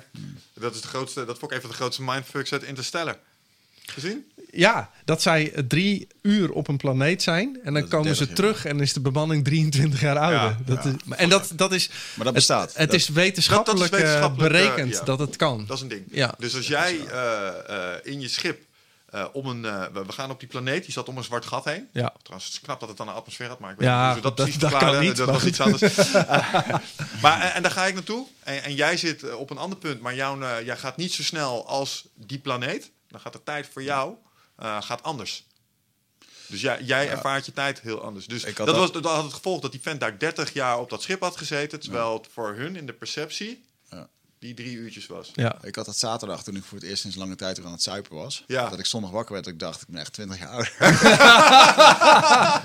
Nou, dat bedoelde Einstein. Ja, dat is exact wat hij bedoelde. Dus, eh, Ja, die, nee, die gast hield ook wel van een wijntje, volgens mij. ja, het zijn mooie dingen. Maar je ziet ook al, alles wat jij eh, qua routine doet, ervaar je als sneller. En alles ehm, wat jij nieuw doet, ervaar je dat het langer duurt. Hè, ja. dus dus ik, ik heb met Guido nu eentje over, opgenomen over tijd. Dus als je een weekendje weggaat en je doet allemaal verschillende dingen, dan kom je thuis en denk zo, alsof ik een week weg ben Ja, dat is geweest. wereldreis. Maar ik heb ook wel eens drie weken op een camping gezeten in Frankrijk. En dan deed ik iedere dag hetzelfde. Croissantje halen, wandelen, zwembad. En dan is het in jouw brein, wordt die, die tijd korter. En dan kom je thuis en heb je het idee dat je een paar dagjes weg was. Ja, ja, dus het is heel subjectief hoe wij het ervaren. Ah, die, eh, een beetje, naar- die, die Sander Aarts, zo'n militair die binnenkort nog een keer hier komt. Die schrijft in zijn boek dat als je ergens een deur intrapt met explosieven in gaat en die actie daar doorheen. Dat, eh, dat je heel snel in die waas kon blijven, waardoor het continu actie is. Dat je bij wijze van spreken een fout zou kunnen maken om iemand neer te schieten die je niet hoort. En dat dan een manier om daaruit te komen is echt om eventjes gewoon je hoofd te bewegen, ergens anders heen te kijken. En eh, gewoon uit die space te komen waar je dan helemaal in Ja, zit. ja. Wazig is dat. Ja, eigenlijk best wel logisch. Dat dat soort Ja. mechanismen Ja, ja, ja, hebt gewoon een super focus, praktisch. Zeker, dit is het- de meest praktische toepassing van een dergelijk mechanisme. ja. ja. Gevaar overleven. Ja, Ja. Dat is waar het voor gebouwd was. Ben je, ben, je dat, ben je bang voor de dood? Nee, helemaal niet. Niet? Nee. Hoe doe je dat? Ja, dan weet je, ik, ik doe dat niet. Ik heb gewoon geen angst voor de dood. Nee. Jij hebt En niet... ik denk dat ik nu ook al niet besta. In die zin dat de perceptie van dat ik Paul ben... is ook maar een constructie van mijn brein. En, en zoals je weet denk ik dat alles gaat zoals het gaat. Eh, en dat dit ding lijkt daar controle op te hebben... wat eh, als we uitzoomen niet zo is. Dus het is een totale overgave in dat alles in het universum beweegt. En dit ding wat ik Paul eh, noem ook. Dus, dus waarom zou een bloem zich druk maken over wanneer die doodgaat? Hmm. Niet. Maar waarom een mens wel? Ja, omdat... Nou, het dood zijn lijkt me niet zo heel erg. Het doodgaan, dat is het gedeelte waar ik eh, niet naar uitkijk. Dat, dat moment, dat, dat spannende moment... dat je die duikpla dat je als het ware Ja. het onbekende tegemoet springt... en denkt, dit is hem. Ja. Eh, here we go. Dat, daar kijk ik echt niet naar uit. Als je het überhaupt al bewust meemaakt. Nou, dat, dat is stiekem de hoop dat dat niet het geval is. Dat lijkt me echt een van de meest verschrikkelijke dingen. Als je weet dat je dagen geteld zijn. Laatst maakte ik vanuit de omgeving eh, mee dat iemand naar een uitvaart moest voor iemand die euthanasie moest plegen. Oh ja. Ja. De, eh, iemand in de 40, ja. die, die weet, hey, dit lijf gaat het niet meer Ah. trekken. En die krijgt dan op een gegeven moment iets toegediend. Ja. En daar zijn mensen bij. Ja. Die laatste week? No man. No. Nee, dat is- dat is echt gruwelijk. Daar, daar, daar- als ik, als ik daar, daar kan ik soms van wakker liggen s'nachts. Dat ik aan dat moment denk, ja serieus. Ik denk, oh dat lijkt me zo erg. Eh, want als je dood bent, voel je het niet meer. Nee. Maar het moment dat je weet, dit is het. En je weet niet 100% zeker wat erachter zit. ja. ehm, is het voorbij? You don't know. Begint het overnieuw? You don't know. Nee. Kom je in de hel terecht? Nou, als we het judeo-christelijke geloof zouden aanhangen, ik zeker weten. Snap je? Nou, dan zitten wij met z'n vieren Ja, zien we elkaar Dus, daar eh, wel. Gaan we daar lekker door podcasten. En je weet wat de hel is, hè, Jabo? Een podcast waarbij de AJA het maar weigert te doen. ja, dat je, en hij nu- iedere dag weer. Heeft hij nu wel opgenomen? Ja. ja, nee, dat is wat de hel is. Een drie uur durende podcast opnemen en dan tot de conclusie komen dat je niet op start had gedrukt. Maar weet je wat ik juist fijn vind? Is ook dat die dood bestaat. Eh, ik ben nu bijna 44. Dat, het wordt steeds relaxter. Want ik denk, het maakt niet uit. Ja, nee. Ja, dus, dus het is nog meer relativeren, nog meer ontspannen. En dan, ja, goed, als je jong bent, dan jaag je allemaal nog naar succes. En dan op een gegeven moment zie je daar ook wel de relativiteit van in. Ik vind dat wel lekker eigenlijk. Ik eh, geniet er wel van. Ook omdat je succesvol bent al. Nou, ik heb wel makkelijk praten. nou ja, dat, ik, ik help ja, mensen met een burn-out die 45 zijn, die hiermee kampen. Ja, met dit soort, ik heb eh, wel makkelijk praten, dat is waar. Ja, ergens is ja, maar goed. Ik ja, kan al ja. stoppen met werken. Dat maakt ook dat je eh, je minder druk maakt natuurlijk. Hè? Ja, Maar je Ja, kan het, je kan het oké. gewoon weggeven. maar Ja, dat is waar. natuurlijk, aan de ene hey, ik kan ook eh, eh, zien van, hé, hey, luister, eh, ja, je gaat dood.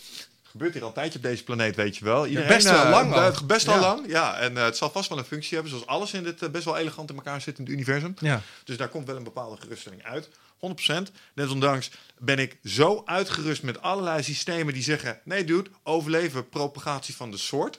Eh, die, nou ja, die protesteren Nou ja. nog ernstig op het moment dat we nadenken over het beëindigen van, van dit bestaan. Ja. Maar ja, ik weet ook wel, hey, ehm, wat was het? Laatst hoorde ik ook alweer. eh, als we 10% later waren begonnen met evalueren, was intelligentie niet eens ontwikkeld. Want we hebben hier nog maar een half biljoen jaar. Ja. Nog maar een half biljoen jaar voordat de zon Ja. eh, opzwelt en hier de. alles dan zijn wij al lang weg hoor. Ja, precies. Maar als dat maar 10 minuutjes eh, of 10% later was gestart, dus die hele evolutionaire keten, Ja. dan, dan was het nooit zo ver gekomen als dat het nu is. Want hadden we gewoon te weinig tijd gehad. Ja.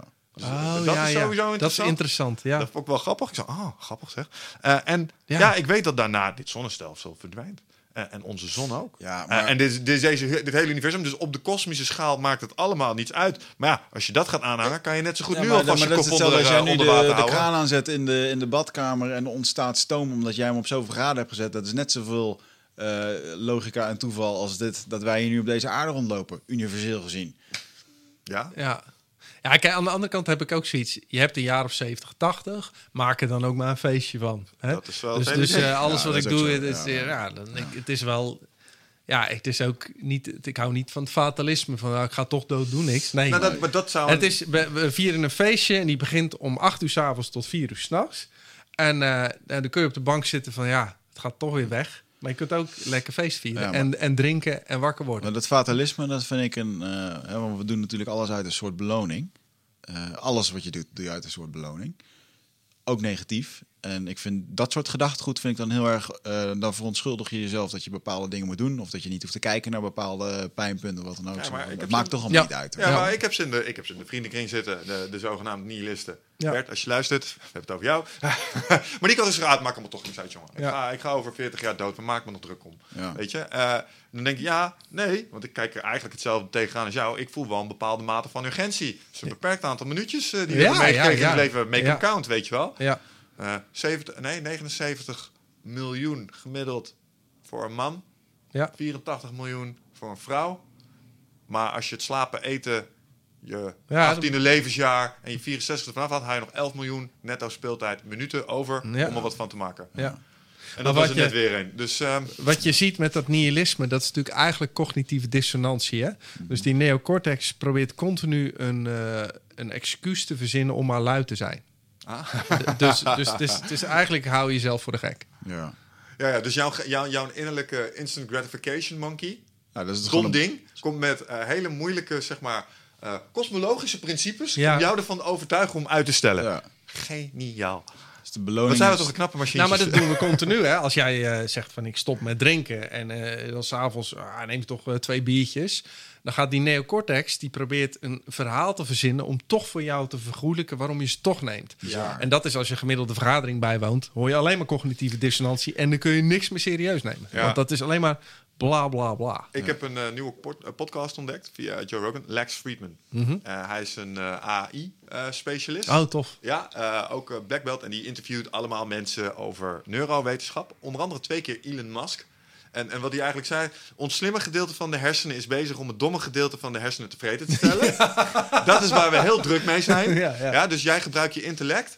Bijvoorbeeld eh, al dit carrière ding, je zou maar zo kunnen zeggen, dit is ook voor een belangrijk deel seksuele selectie. Ja. Eh, dus je doet hele slimme dingen om ervoor te zorgen dat je seks kunt hebben. Wat eh, een vraag is die voortkomt uit het domme gedeelte van je hersenen. Ja. Dus dat. Nou, dat was één. Dat ik dacht, ja, dat is leuk verwoord. Ja. En toen was er ook een meneer. en die zei, ja, hij zegt, het is wel leuk, die cortex, hè. Het, is, het ding is eigenlijk alleen maar om jou een verhaal te geven over wat er zojuist gebeurd is. Dus, dus het geeft jou een uitleg voor je, voor je handeling. Maar het is er niet bij betrokken verder. Het is Nee. meer zoiets van, eh, oh, dit is gebeurd? Ja, dat was daarom. Ja. Zodat jij je daar oké over kunt voelen. Maar die, de eerste theorie die is waar, want ik heb een kind overgehouden aan de podcast. Ja, precies. precies. Dus het heeft, het heeft gewerkt, zo ziet men. Ja. Nou ja, Let- letterlijk ook. en- Ja, letterlijk, ja. Ja, maar het is gewoon. eh, ja, ik vind het grappig wa- wa- wat je zegt. Dat is, dat is mooi verwoord. Ja. Die neocortex is altijd een verhaal achteraf. Dat ding is een beetje traag. Dus op, dat doen ze al die simpele proef. Dan mag een man op een linker of rechterknop drukken. En wanneer die wil. Dan is het je onbewuste brein die kiest wanneer welke knop. En daarna word jij pas bewust van je handeling. Plus je brein verzint een verhaal over... ja, ik dacht, dit is een mooi moment en ik kies de rechterknop omdat bla bla bla. Terwijl die, die, die, de scanner zegt gewoon... nee, jouw onbewuste brein heeft al lang dat besloten. Sterker nog, de neurowetenschapper ziet eerder dan jijzelf... op welke knop je drukt Ja. en wanneer. Dat is dat actiepotentieel ding, toch? Wat Juist. Ja. Dus, dus jouw eh, bewustzijn eh, hij komt met een vertraging. En dan zeker het, het verhaal wat jouw brein vertelt, is, is nog meer achteraf. En die probeert twee dingen. Die probeert er ten eerste een consistent verhaal van te maken. En ten tweede praat hij het altijd zodanig dat jij je goed voelt over jezelf. Dus die, die is die, dat reptiele brein en zoogdierenbrein heel de dag tevreden aan het stellen. Ja. Dus als jij toch zeg maar dat biertje neemt, dat is omdat jouw reptiele brein denkt: ja, maar ik drink iedere dag. Dat is een routinebrein. En jouw zoogdierenbrein denkt: dat is lekker. En dan komt je neocortex van: ja, maar goed, twee biertjes maakt ook niet uit. En je moet ook van het leven genieten. en, eh, en morgen ga ik weer sporten. Dus, dus ja, en zo zijn wij mensen lekker bezig met Lekker druk allen. met zichzelf. Ja. Maar als hij dit gaat zien, merk ik, dan ga je heel vaak. Ik lach heel vaak om mezelf. Ja. En, en mijn vriendin, die kent dit natuurlijk ook. Dus die roept heel vaak neocortex Ja. of cognitieve dissonantie. Of wat een mooi verhaal wat je hier vertelt, Paul. Weet je wel? Shit, weet je wel? Hilarisch. Maar ja, ach ja. Nou ja. nou, hey, dat brengt me eigenlijk wel eh, op het eh, laatste ding waar we het nog even over kunnen hebben. Wat mij betreft, veranderen voor lui mensen. ja, Dat is eh, iets nieuws waar je mee bezig bent. Wat is het? nou, dat is mijn nieuwe boek. Ja? waarin ik... ehm, ik vind eigenlijk ook wat jullie over praten in de podcast... en basisprincipes vanuit de neurowetenschap... dat we dat op school op les 1a moeten vertellen. Omdat je krijgt over alles les, aardrijkskunde, geschiedenis, noem maar op. Maar hoe jij zelf nu eigenlijk als mens functioneert... mensen hebben geen idee. Dat moeten ze dus op latere leeftijd leren door een podcast te beluisteren. Ja. Nou, in het bedrijfsleven zie ik ook waarom al dat verandermanagement... het een is nog kanslozer dan het andere. De bedoeling is wel goed van die neocortexen... maar mensen snappen niet hoe ze in elkaar zitten. En dit boek schrijf ik met een neurowetenschapper samen, Aitja... ehm, waarbij we heel erg... eh, ik denk dat er heel veel raakvlakken met jouw masterclass zitten. Gewoon primair uitleggen hoe zit dat brein nu in elkaar? Waarom doe je wat je doet? Hoe we onder druk staan met sociale druk. Hoe je beïnvloed wordt door je omgeving. Hoe Ja. priming werkt, framing werkt. Eh, omdat als jij begrijpt hoe je systeem werkt, dan blijkt dat je kansinslagen groter zijn. Eh, dus, en dat doen we met dit eh, boek. Mooi. Is, is die verlichting voor luie mensen, is dat jouw best verkochte boek? Eh, ja, ja. Ja. Ik vond het ook Ja. een grappig boekje. Heb ik het er nog een keertje geappt volgens mij. Ja. Ja. Ja, Klopt, ja. dat is puur, eh, dat, dat is heel erg op non-duale stukken. Dit is dan gewoon binnen de droom waarin we leven, Ja. hoe patroontjes werken. Ja. En Want wat eigenlijk is wat jij in je masterclass ook doet, je toont aan hoe patronen werken. En als je die patronen snapt, dan kun je er een beetje beter mee gaan spelen. Oké, cool. Eh, vraag daarover. Wat, wat is in eh, dat opzicht eh, het meest onderschatte component in menselijk gedrag? Als je kijkt naar, wil mensen snappen? Snap human nature. Nou, Ja. we hebben de goal setting hoeven niet achteraan, dat is handig, want je hebt allerlei hele mooie evolutionaire systemen die zeggen als je daarin moet, dan, dan gaan we dat fixen. Mhm. Maar er zijn er nog meer.